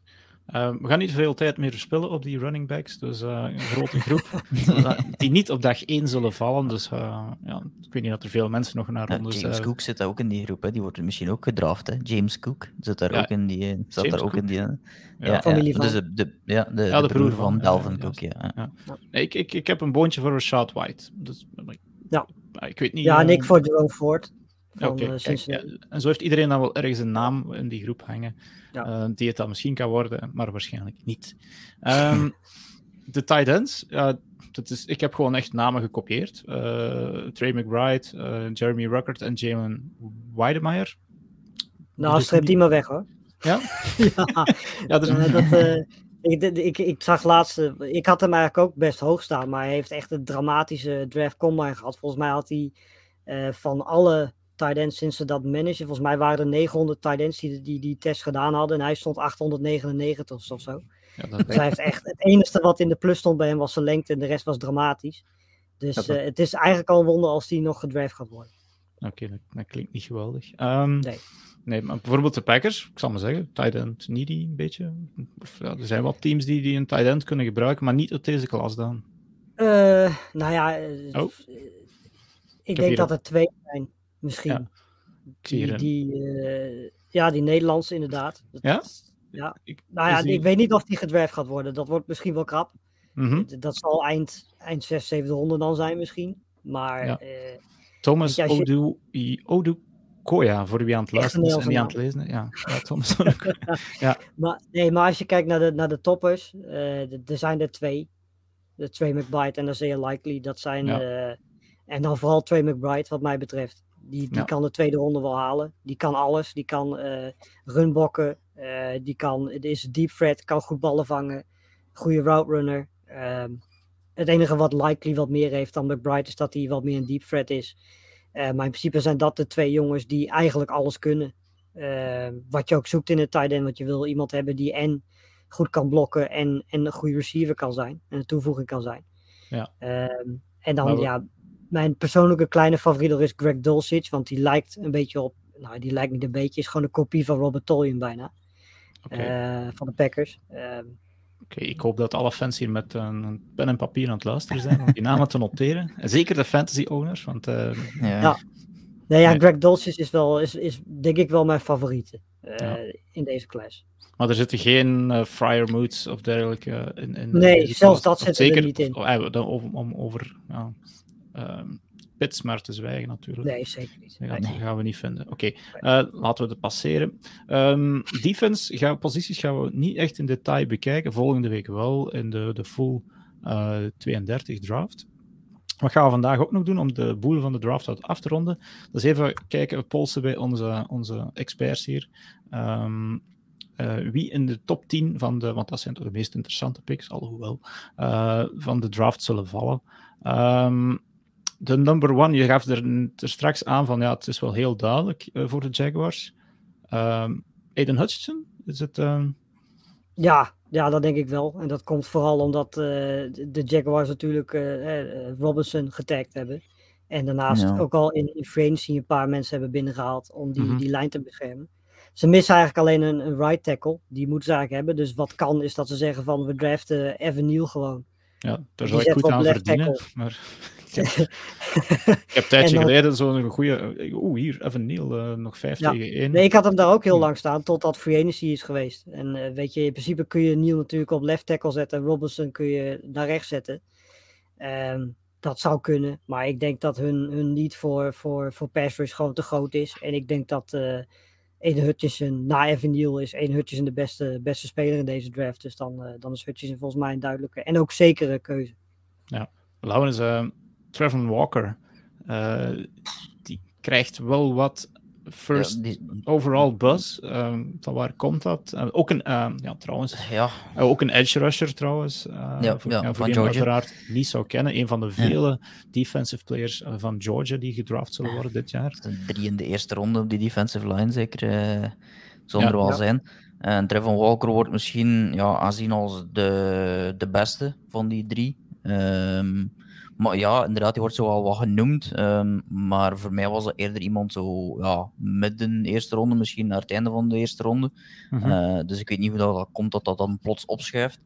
Um, maar, maar wel een interessante speler. Waar dan natuurlijk wel met alle drie dat dat iets meer uh, ja, een volledige ja, run defense toch vooral was. En alles wat pass rush was, was uh, ja, niet, niet echt op die manier opgelost, om het dan zo te zijn. was niet echt uh, pass rush uh, specialist bij, bij die, geen van die drie. En Trevor Walker was dan misschien de meest ja, aanwezige pass rusher, maar dan nog eigenlijk ja, niet, niet echt top. Dus ja, ik weet niet, hij was mij ook niet keihard opgevallen uit die hele hoop. Dus waarom dat Trevor Walker nu plots aan voorkomt, weet ik niet. Ja, de, de reden is vooral omdat het de, ook hier weer, net zoals bij, uh, bij Willis, dus Reese Bias vooral. Ja. Het, ja, hij heeft een fantastische draft combine gehad en een pro day gehad. En zijn uh, kampioen man, gespeeld. Ja, wel de man is een bizarre ja. atleet. Ja, dan ga je al heel snel stijgen natuurlijk. Want als je dat hebt, uh, dan is, is een coachingstaff die, die dat kan uitbuiten, is natuurlijk, ja, dan, dan heb je een fantastisch speler. En dat kan hij ook wel worden. Alleen de statistieken zijn niet zo goed dat je nee, hem in één keer nee. boven de Thibodeau zet. Ja, zit, nee, zit hij in jouw top 10 trouwens, Lars? Die... Walker. Walker. Ja? Uh, ik denk dat hij mijn vierde edge rusher ja. is. Vierde edge rusher? Oh, okay. Ja, volgens mij, um, Jermaine Johnson staat nog wel voor. Nee, dus ja. op de voor de Lions heb jij iemand anders gekozen op twee? Uh, ja, ik ga niet voor Willis. Uh, ik, ja, nee, ik kies gewoon de beste speler die er is. En de beste speler die er is, is wat mij betreft nog steeds Kevin Thibodeau. Okay. Ondanks dat uh, mensen in één keer beginnen te twijfelen of hij zich wel volledig inzet en wel zin heeft om uh, merkenvoetbal te spelen. Ja, dat zijn ook allemaal van die dingen die in één keer in een off-season dan naar buiten komen omdat mensen zich vervelen. En zin hebben ook om, uh, om smokescreens op te zetten. qua talent is, is en potentie is hij misschien wel de beste speler in deze draft. En de Lions kunnen verdedigend gezien overal iets gebruiken. Dus ja. volgens mij is Thibodeau een hele logische keuze. Nou, jaren geleden zeker. volgens mij de consensus ja. number one. Dus ja, inderdaad, talent in overvloed. Maar Laurens, jij gaf vorige week er een verhaal aan. Wat was dat? Hij met zijn eigen cryptomunt? Uh... Ja, een, een, aantal heeft blijkbaar zijn eigen cryptomunt en dat soort dingen. Maar blijkbaar ook op, op de combine ook, uh, op een gegeven moment uh, gezegd dat hij niet meer wilde verder doen. En is, heeft zijn rugzak gepakt en weggelopen. Dus het is blijkbaar wel een beetje een, een, een kerel die je moet... ja, mijn handleiding. een karakter. Maar, maar, ja, het is, het is, inderdaad wel, uh, wel iemand die je een beetje moet, uh, moet sturen misschien. Maar als je hem inderdaad met de juiste coach kunt sturen, dan gaat hij er inderdaad wel uh, een absolute ja, topper aan hebben. Dus misschien wel goed dat de vraag... Ten, ja, Ten Campbell van de Lions zou hij wel klein kunnen krijgen misschien. Ja, voilà. Dan, dan komt de wel in een goede situatie terecht mm -hmm. wat, wat coachingstaf betreft, die hem toch op zijn minst ja, hem durft tegenspreken, moet zo te zeggen. Op, uh, op drie staan de Texans te blinken. Die kunnen van alles, alles. gebruiken. Ja, dat, dat, ja, ja, we, we, hadden, die niet, maar, ja. nee, we hadden vorige week, uh, Lars, een, een, een, een, podcast gedaan waarbij dat ik uh, van elk team een fan gevraagd had van wat is de needs. En dus, bij, de, bij, de, bij de Texans en bij de Jaguars. De, de Jaguars was het antwoord zowat alles. En bij de Texans wat niet. Alles buiten een quarterback. En dat zegt eigenlijk dan al veel over, over het geloven in um, Davis Mills natuurlijk. Ehm, maar dus voor de rest kunnen ze alles gebruiken, maar wat het meeste volgens jou? En, en wat gaan ze de, denk je, of wat zouden ze moeten doen? Want dat zijn nog verschillende dingen waar je een mock draft kunt doen. Hè? Van wat denk jij Ja. dat ze zouden doen, of wat gaan ze doen? Dus, Nou ja, wat ik zou doen, eh, precies om de reden wat we net zeggen, omdat ze zoveel mensen nodig hebben, is, is wegtraden daar. En meer Oh, picks ja. verzamelen. Want elke pick die je kunt gebruiken bij dat team is, is mooi meegenomen. eh, maar als je daar blijft- Ja. En, en, je, en je gaat draften, dan is volgens mij het belangrijkste dat je, dat je Mills een goede offensive line geeft. Mhm. En eh, ja, er zijn hier drie hele goede offensive linemen beschikbaar. En Evan Neal is van die twee de meest complete. Heeft de meeste ervaring. Dus eh, dan zou mijn keuze Evan Neal zijn. Oké, eh, dan schuiven we door naar de Jets op vier, die de eerste keer kunnen pikken in, de, de, in deze draft. Twee keer in de top 10 bedoel ik. Ik denk dat zij drie grote needs hebben. Dat is op de, toch nog steeds op de offensive line. Eh, edge, rusher volgens mij ook en wide receiver. Dus ja, welke van die drie zouden ze daar nemen? Eh, of, of heb je nog een andere positie, denk je, voor ogen? Want ja, BPA kan misschien nog iets anders zijn. Dus, eh, de, nou, ik denk nu, nu de twee beste edge rushers weg zijn en ook Neal weg is. de offensive line is op zich al wel goed genoeg. Ik denk dat je daar gewoon mee verder kunt. Ik denk dat, dat cornerback wel heel belangrijk is. Ja, toch, ja. Zeker nu die twee edge rushers weg zijn. Eh, denk ik dat je daarvoor moet gaan. En dan is natuurlijk de vraag: ga je voor, voor Gardner of ga je voor Stingley? Oftewel, Ja. ga je voor de zekerheid of ga je voor het talent? Ehm, ik vind dat een hele moeilijke, maar ik, als ik de Jets was, ehm, eh, wetende dat je ook nog pick 9 hebt, zou ik voor de zekerheid gaan. Dan zou ik voor Gardner gaan. Voor wie het niet weet, hij heet officieel Ahmad. Ahmad Ja, ja. Gardner officieel, maar hij wordt Sauce ja. Gardner Ja. genoemd. Sauce Dus, eh, Gardner, ja. Dat, dat wordt nog wel een ding, denk ik, tegen dat de draft is Sauce. Dus, Hij is degene die geen enkele touchdown heeft toegelaten in zijn volledige college career. Hè? Ja, dus, eh, dat van Cincinnati trouwens ook, die eh, van Desmond Ridder ploegmaat was dus. Ja. Ja. Dus ja, inderdaad wel, eh, wordt ook genoemd, eh, Trent McDuffie wordt er ook misschien nog ergens in die groep van Washington, wordt er ook misschien in een groep. Er zijn ja, een aantal goede cornerbacks, maar inderdaad zal het meer richting die twee gaan, denk Ja. ik. En Derek Sting, die we het er net al over had, die vooral ja, gevallen is eh, van eh, zijn eerste hele goede jaren bij LSU tot Ja. ja. nu iets een stuk minder. Eh, dus ja, inderdaad zou ik daar ook wel corner gaan. Want Ja, een, ze hebben ook wel een receiver nodig, maar dat is misschien wel heel vroeg. ja, zeker als je nog later nog die vroeg pick voor. Maar, Nee, maar zeker als je later nog een pick-up 10 hebt. ja, dus wat ik nu nog, nog juist zei, ja, eh, zoals Gardner ook heel veel zelfvertrouwen. Ik las denk ik deze week ergens iets dat hij zichzelf de beste speler in deze draft vindt. Dus eh, wie kan hem niet Als je gebruiken? Sauce noemt, ja, dan eh, moet je er wel een beetje... Ja. Goed, ja, maar dat zijn die mannen natuurlijk niet vreemd van. eh, het groot geld ligt te wachten. Op nummer 5, de Giants, eh, met hun pick van de Bears. Offensive line. Ja, ja, Heel simpel. Ja. Ja, right tackle staat hier. dan gaf de, de fan toen aan van dat is een glaring need. Um, Ja. Buiten cap space gaf hij ook aan. Dat is een grote need. Cap space. Ja, nee, wat is dus terug op de offensive line. Ehm, ja, is, is, gaan zij dan voor, in, in jouw ogen best voor? En dan, ik weet niet, wie is jouw nummer twee van die drie top Eh, offensive linemen? Ik heb Okwomu en eh, Cross gelijk. Omdat ja. Cross is, een, is, is wat meer pass protector. Dus is, die is daar goed in. En Okwomu is wat meer een, een, goede runblokker. En die zal waarschijnlijk gedurende zijn carrière naar guard gaan. Mhm. Eh, als hij naar de, de Giants gaat, gaat hij dat misschien meteen al wel. Eh, maar goed, aangezien zij op right tackle iemand nodig hebben, dan... Ja, ze hebben volgens mij twee, drie picks daarna ook nog een, eh, een pick. ja, klopt. Dus als je voor Cross gaat en je hebt die op het oog, zou je misschien op deze plek iets anders moeten kiezen. Eh ervan uitgaand dat, dat, dat ze inderdaad op 7 dan Cross kunnen kiezen, want de Panthers gaan een quarterback kiezen. Mhm. Ehm, ja, waar zou je dan voor gaan? Ze, ze kunnen heel veel gebruiken, maar receiver is ook te vroeg. Ehm, Ja, toch maar gewoon offensive line, denk ik. Verstandige, ja, misschien moet je er wel gewoon twee kiezen. Ja, ja, een verstandigere keuze als offensive line Ja. kan je nooit maken eigenlijk. eh. Nee, daar Dus- kun je nooit genoeg van hebben. Het probleem bij, bij de Giants is natuurlijk dat degene die ze moeten beschermen... ehm, Ook ja, niet best ja, is. ook niet altijd best is met Daniel Jones. Dus, En, ehm, ja. en Panthers op 6 hebben we het al over gehad. Eh, waarschijnlijk gaan ze quarterback gaan. ehm, en dan In zullen dit ze geval voor, Willis. in dit geval Malik Willis. Ja, hoe gaat het met die jongen al? Ehm, dan op 7 de tweede keer Giants. Dus ja, misschien terug offensive line. Of ja, hier staat ook. ehm, want- ja, ik weet niet, heb jij Kyle Hamilton, Kyle Hamilton ergens in jouw top 10 ehm, van beste prospects? Want ja, ik Ik heb, hem wel- op, eh, oh, ik heb hem op nummer 1 staan. Op nummer 1. Ja, Ja, ik, Ja. ik, ik denk Ja, dat... ik- het ja, zeg maar Lars. Nou, ik, de- weet je, iedereen valt nu natuurlijk vooral over zijn snelheid. Dat is de, hè, de- Ja. Als je dat combineert met zijn knie of met zijn blessure die hij nu heeft, ja, dan Hm. gaat het natuurlijk al snel. Dan heb je in principe de, de, de, ja, het effect wat we bijvoorbeeld bij Walker zien, maar dan de andere kant op. Hm. Ehm, maar ja, als je die, ik heb volgens mij, ik heb heel veel spelers gezien in deze draft, maar het niveau dat Hamilton haalde op, op film bij Notre Dame, dat, dat heb ik geen enkele andere speler in deze draft zien halen. Nee, was Ja, inderdaad gek. En Een beetje, ja, zeg maar, een beetje, Laurens. tegen dat hij, een beetje tegen zichzelf ook, dat hij, dat hij safety speelt ook natuurlijk. En dat er ook heel Ja. veel van die teams in die top 10 ja, eigenlijk niet echt een safety nodig hebben, of toch niet echt als, als nummer 1 eh, naar boven halen. Wij willen een safety. Eh, Dus in principe niemand die, die eh, nee, qua Ja, talent zeker daar thuis hoort, maar of dat hij daar gaat eindigen, dat, eh, dat weet ik niet. Het team dat Kyle Hamilton eh, kan draften, heeft Ja. sowieso. ah ja, als je die percentiles bekijkt, hè, dus in hoogte 6 foot 4, Waanzin. 99th percentile. Dus eigenlijk bij de e- één beste procent. Maar goed, hoogte, dat is nu geen kwaliteit. Maar ook gewicht eh, zit hij in de 95. Armlengte wel belangrijk, 94. Hand size, oké, minder belangrijk. Maar dan 40 yard dash is echt traag, 4,59. Ja.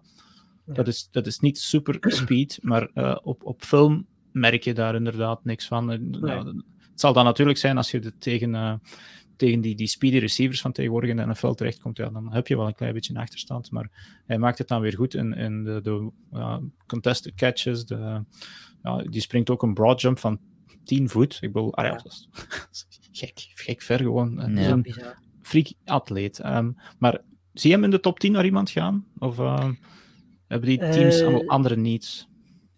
Ja, zeker. Ik bedoel, weet je, bedoel, de Giants zouden ook eh, prima nog een edge rusher erbij kunnen hebben. Ik bedoel, Jermaine Johnson bijvoorbeeld zou, of Trayvon Walker. Laat, laten we, ik kies dan hier voor Trayvon Walker, omdat ik denk dat de Giants ja, op 7 hem niet kunnen laten gaan. Ehm, maar ja, er zijn gewoon, weet je, als je kijkt naar de teams die we nu gehad hebben en die teams die je hierna krijgt, er zijn niet veel teams die denken van we moeten echt, echt een safety hebben. En dan kom je Nee. ook weer bij een beetje dezelfde situatie als, als running back uit.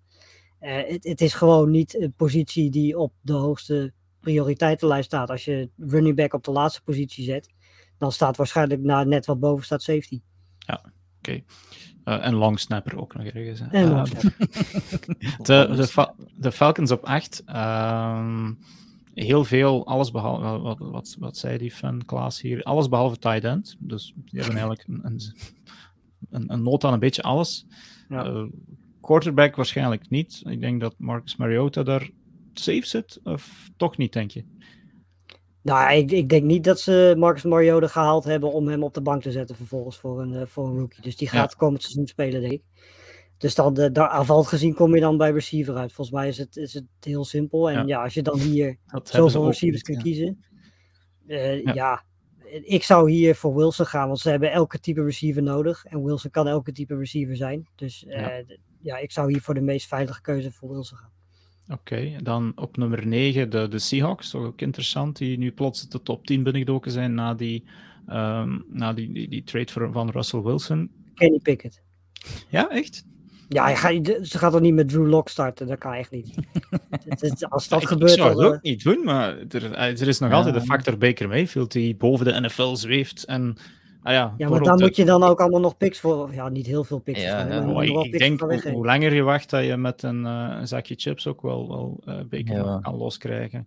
Ehm, En, en misschien zelfs bij de Panthers. Ja, enfin, eh, ploegen moeten gewoon geduld hebben en wachten tot volgend jaar. Ja, dat sowieso. Maar ja, dat doen ze niet. Dat is het Nee. probleem. Ze gaan Nee. altijd wel een quarterback kiezen iemand. Dus dat, Nee.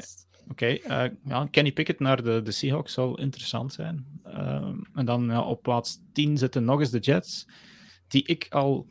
Ja, die gaan volgens mij een goede draft hebben. en volgend jaar een veel beter team hebben. Dus ik zit zo al liefde te gooien richting de Jets het offseason. Ik weet ook niet goed hoe dat, dat komt. Maar We hebben vorig jaar eigenlijk ook een redelijk goede draft gehad, vond ik. Ja, maar ja, Ja. daarom. Dus, de, de bouwstenen zijn er eigenlijk allemaal. Ja, dus, ze hè. hebben genoeg picks. Ze geven ze dus niet weg eh, voor, voor domme dingen. Ehm, en ze kunnen hier in de top 10 voor een tweede keer kiezen. Dus ik weet niet, wat had je er straks eh, gezegd, Lars? Als, eh, als, als, Als nummer 10. Ja, als nummer 4. Uh, Poeh, wat had ik gezegd? Nummer 4. Als nummer vier, zoals Gardner. Ja. ah, zoals Gardner, ja. Dus, dus zou, Ja, zou dus- je- Ze, ze hebben hier gewoon een receiver nodig. Een, een Ja. receiver 1. Dat, dat, en dat, wat dat betreft is jammer dat Wilson net voor neus weg wordt gehaald. Want in principe is Wilson hier uh, de perfecte keuze. Uh, dan kan Corey Davis kan weer nummer 2 worden. Uh, en zo schuift dat allemaal op. En Corey Davis is gewoon een betere nummer 2 dan een nummer 1 receiver. Ja. Zie jij Elijah Moore niet het grootste talent dat hij Ja, maar die, die kan dan heel goed een slot receiver zijn, ja, zeg maar. En dan heb je met Davis heb je nummer 2 receiver, met Wilson heb je, of Wilson, uh, ja. hoe heet die, Moore heb je slot receiver. Je hebt twee tight ends nu erbij, waarbij Uzoma natuurlijk heel goed in het midden kan spelen. Nou, dan eens wat je nog mist is een nummer 1 receiver. Ja, en Wilson was perfect geweest daarvoor. Uh, dan moet je hier denk ik gaan kiezen tussen Olave en Jameson Williams. Ja. Uh, dan zou ik voor James Williams gaan. Omdat nee, hij ook ja. de deep threat heeft en dat hebben de Jets op dit moment ook niet. En Wilson heeft wel een kanon van de arm. Ja, nee. dat zou inderdaad wel een hele mooie combinatie zijn. Ja. We zouden nog 22 picks kunnen verder gaan, maar dat draagt ons iets te ver. Dat is voor volgende week. Dus wie zou willen weten wat uh, en dan op 11 de Commanders uh, gaan doen, de, dan, dan je gewoon af. Wat gebeurt er met die Eagles en die Saints? Um, wat gaan de Packers doen? Wat gaan de Chiefs doen met hun meerdere picks? Um, ja, er zijn natuurlijk ook een heleboel teams die gewoon kunnen rusten op de eerste dag van de draft. Dat is voor ja. volgende week. Gaan wij die uh, de top 32 af, aflopen. Um, dus ja, Lars, ben eigenlijk ook wel benieuwd als jij een top 32 um, draft hebt. Je mag die ons altijd wel eens laten weten. Uh, ja, er komt er sowieso eentje of van op mij Sport Amerika, op de, ja. op de Sport Amerika site. En we gaan ook volgende week een, een mock draft podcast opnemen. Oh ja, dus. Met, met twee man. Dus dat, uh, dat gaan we zeker doen. Ja, het is natuurlijk niet. Ja, ik kan niet veel andere dingen doen de, deze tijd van het jaar. Hè, maar nee, het, is, nee. het, is, heel leuk, vind ik wel. Al die, je, je wordt wel verplicht om die prospects te leren kennen. En, dan, ja. uh, en uiteindelijk op draft night ben ik toch altijd er gewoon glad naast. Bij ja, uiteindelijk klopt er geen reet van. Hè. Zo ja. gaat dat. Nee, we hebben bij ons Alexander, een van onze redactieleden ook, die zit er altijd heel dicht. Juist, ik weet niet, die heeft zo'n sixth sense voor uh, wat teams echt gaan doen. Ja. Um, ja. Die, die, die, had dit jaar ook ergens een 400 tegen 1 bed gewonnen. Zo van. Crazy parlay. En dat is echt met, met, toch een redelijk wat verstand gedaan. Dus, uh, goed, ik ben heel benieuwd naar Alexander zijn mock draft, die volgens mij deze week er ook gaat komen. Um, goed, dan gaan we de draft even laten voor wat het is. En um, nog een klein, ja, we zitten hier een beetje België-Nederland, dus samen in één, één podcast. En dit weekend is er ook een grote België-Nederland op de Vlaamse voetbalvelden. Uh, want op uh, ja, 16 april, nu zaterdag, 6 uur s'avonds, spelen de Limburg Shotguns, een ongeslagen Limburg Shotguns, tegen de ongeslagen Amsterdam Crusaders. een, ja, echt een topper, zo'n een Europees, nee, Europees Super van de Benelux. Uh, nog niet, want die volgt op 11 juni. Dat zal waarschijnlijk tussen de tweezelfde teams zijn. nee, maar um, volgens mij heel interessant. Ik ben eens benieuwd. Ja, twee teams die al een tijdje niet meer weten wat verliezen is. Uh, die ook heel veel teams gewoon van het veld blazen. Uh, zeker de Crusaders dit weekend ook nog eens uh, 59 punten boven gehaald tegen, tegen Arnhem Falcons. Uh, dus ik ben zeer benieuwd wie van die twee daar uiteindelijk nog eens uh, in het zand gaat moeten bijten. En dan revanche zou kunnen nemen, eventueel op 11 juni. Dus, de, de, Shotguns gaan er ook wel een evenement van maken nu zaterdag. ik denk om half vier is er al een flag voetbalwedstrijd, ook tussen de Crusaders en de Shotguns. Dus dat zal met, met jeugd zijn, veronderstel ik dan. Uh, dus er is al vroeg entertainment. Er is, een, uh, er is zelfs een VIP-pakket beschikbaar voor wie zou willen. Voor een bepaald bedrag heb je daar all-in drinks en een American buffet. Uh, nog wel even die taxi bijregelen, denk ik dan. Anders. dat is geen best, hè. Ja, ik heb dat er ooit gedaan, dus dat was eigenlijk wel plezant. En dan kreeg je ook nog goede 50-yard seats bovenin de tribune. En dan ja, heel een tijd een onafgebroken stroom aan bier en hamburgers. en een goede wedstrijd. En ook nog wel een leuke avond, dat weet ik nog wel. Uh, dus we gaan er wel een evenement van maken, denk ik. En hopelijk een opwarmer voor de BNL Bowl, of hoe heet dat ding, denk ik, op 11 juni. Uh, er is verder nog veel voetbal natuurlijk dit weekend uh, in, in België en Nederland. Want verder in de BNL is er ook nog de wedstrijd, ook België-Nederland, tussen de Arnhem Falcons en de Easyham Tribes. Dus ja, wij hopen natuurlijk op een 2-0 voor de Vlaamse teams uh, dit weekend. Uh, dat is ook op zaterdagavond, dus dat is wel een iets verdere verplaatsing. En dan is er ook nog in de, de, de Vlaamse Voetbal League. Dus ja, ja Lars, het is ook zo'n beetje een bijeengegooid dingetje soms hier, die voetbal in België Nederland. Maar dat is in Nederland niet anders, heb ik uh, begrepen. Nee. Uh, dus de, nu zondag is er ook tussen de Austin Pirates en de Brussels Black Angels om twee uur een wedstrijd. Ook te volgen. En trouwens, die, die wedstrijd van de Shotguns en de, de Crusaders zal um, live op een livestream livestreams zijn per definitie dus. zal live te volgen zijn op de Facebookpagina van de Shotguns. Um, Als alles goed, klopt, uh, goed klopt, zal er een bekende stem commentaar geven. Jurgen Nijs geeft trouwens commentaar in het stadion. Um, dus ja, alom daarheen. Uh, of, of een of ander, ander Belgisch voetbalveld dit weekend. Um, dus ja, goed. Dat uh, is nog die dienstmededeling. Um, goed, Heb je nog een weerbericht? Ja? Ja, nog niet. ik, hoop op, ik hoop op goed weer, natuurlijk. Maar, uh, dat, dat, dat is een beetje alles. Maar ik moet toch een beetje reclame maken voor want die, die voetbal hier op de...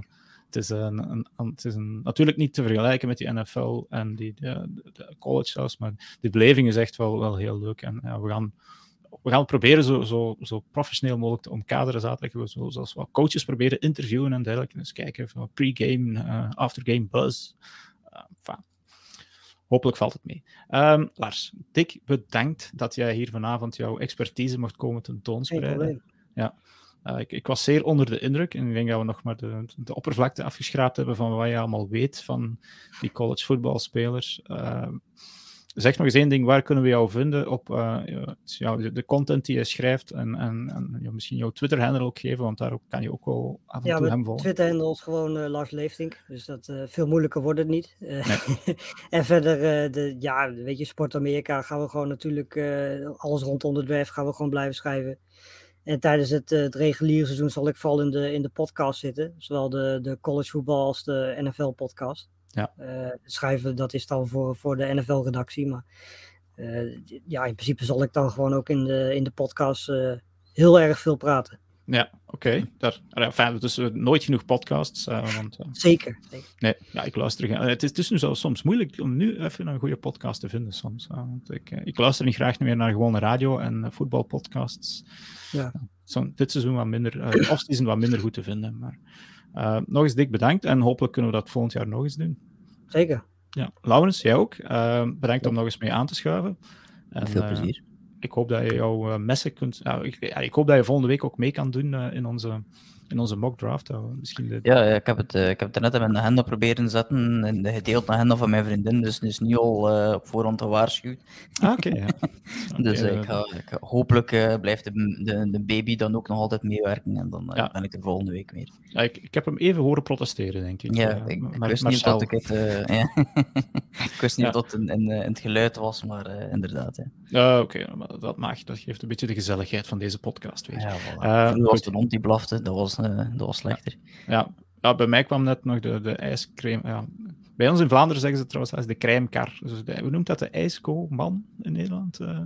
de, de, de, ijskraam. De ijs, ijskraam, oké. Okay, ja. ja. die kwam hier nog veel lawaai maken bij mij. Dus, van die dingetjes die dan gebeuren.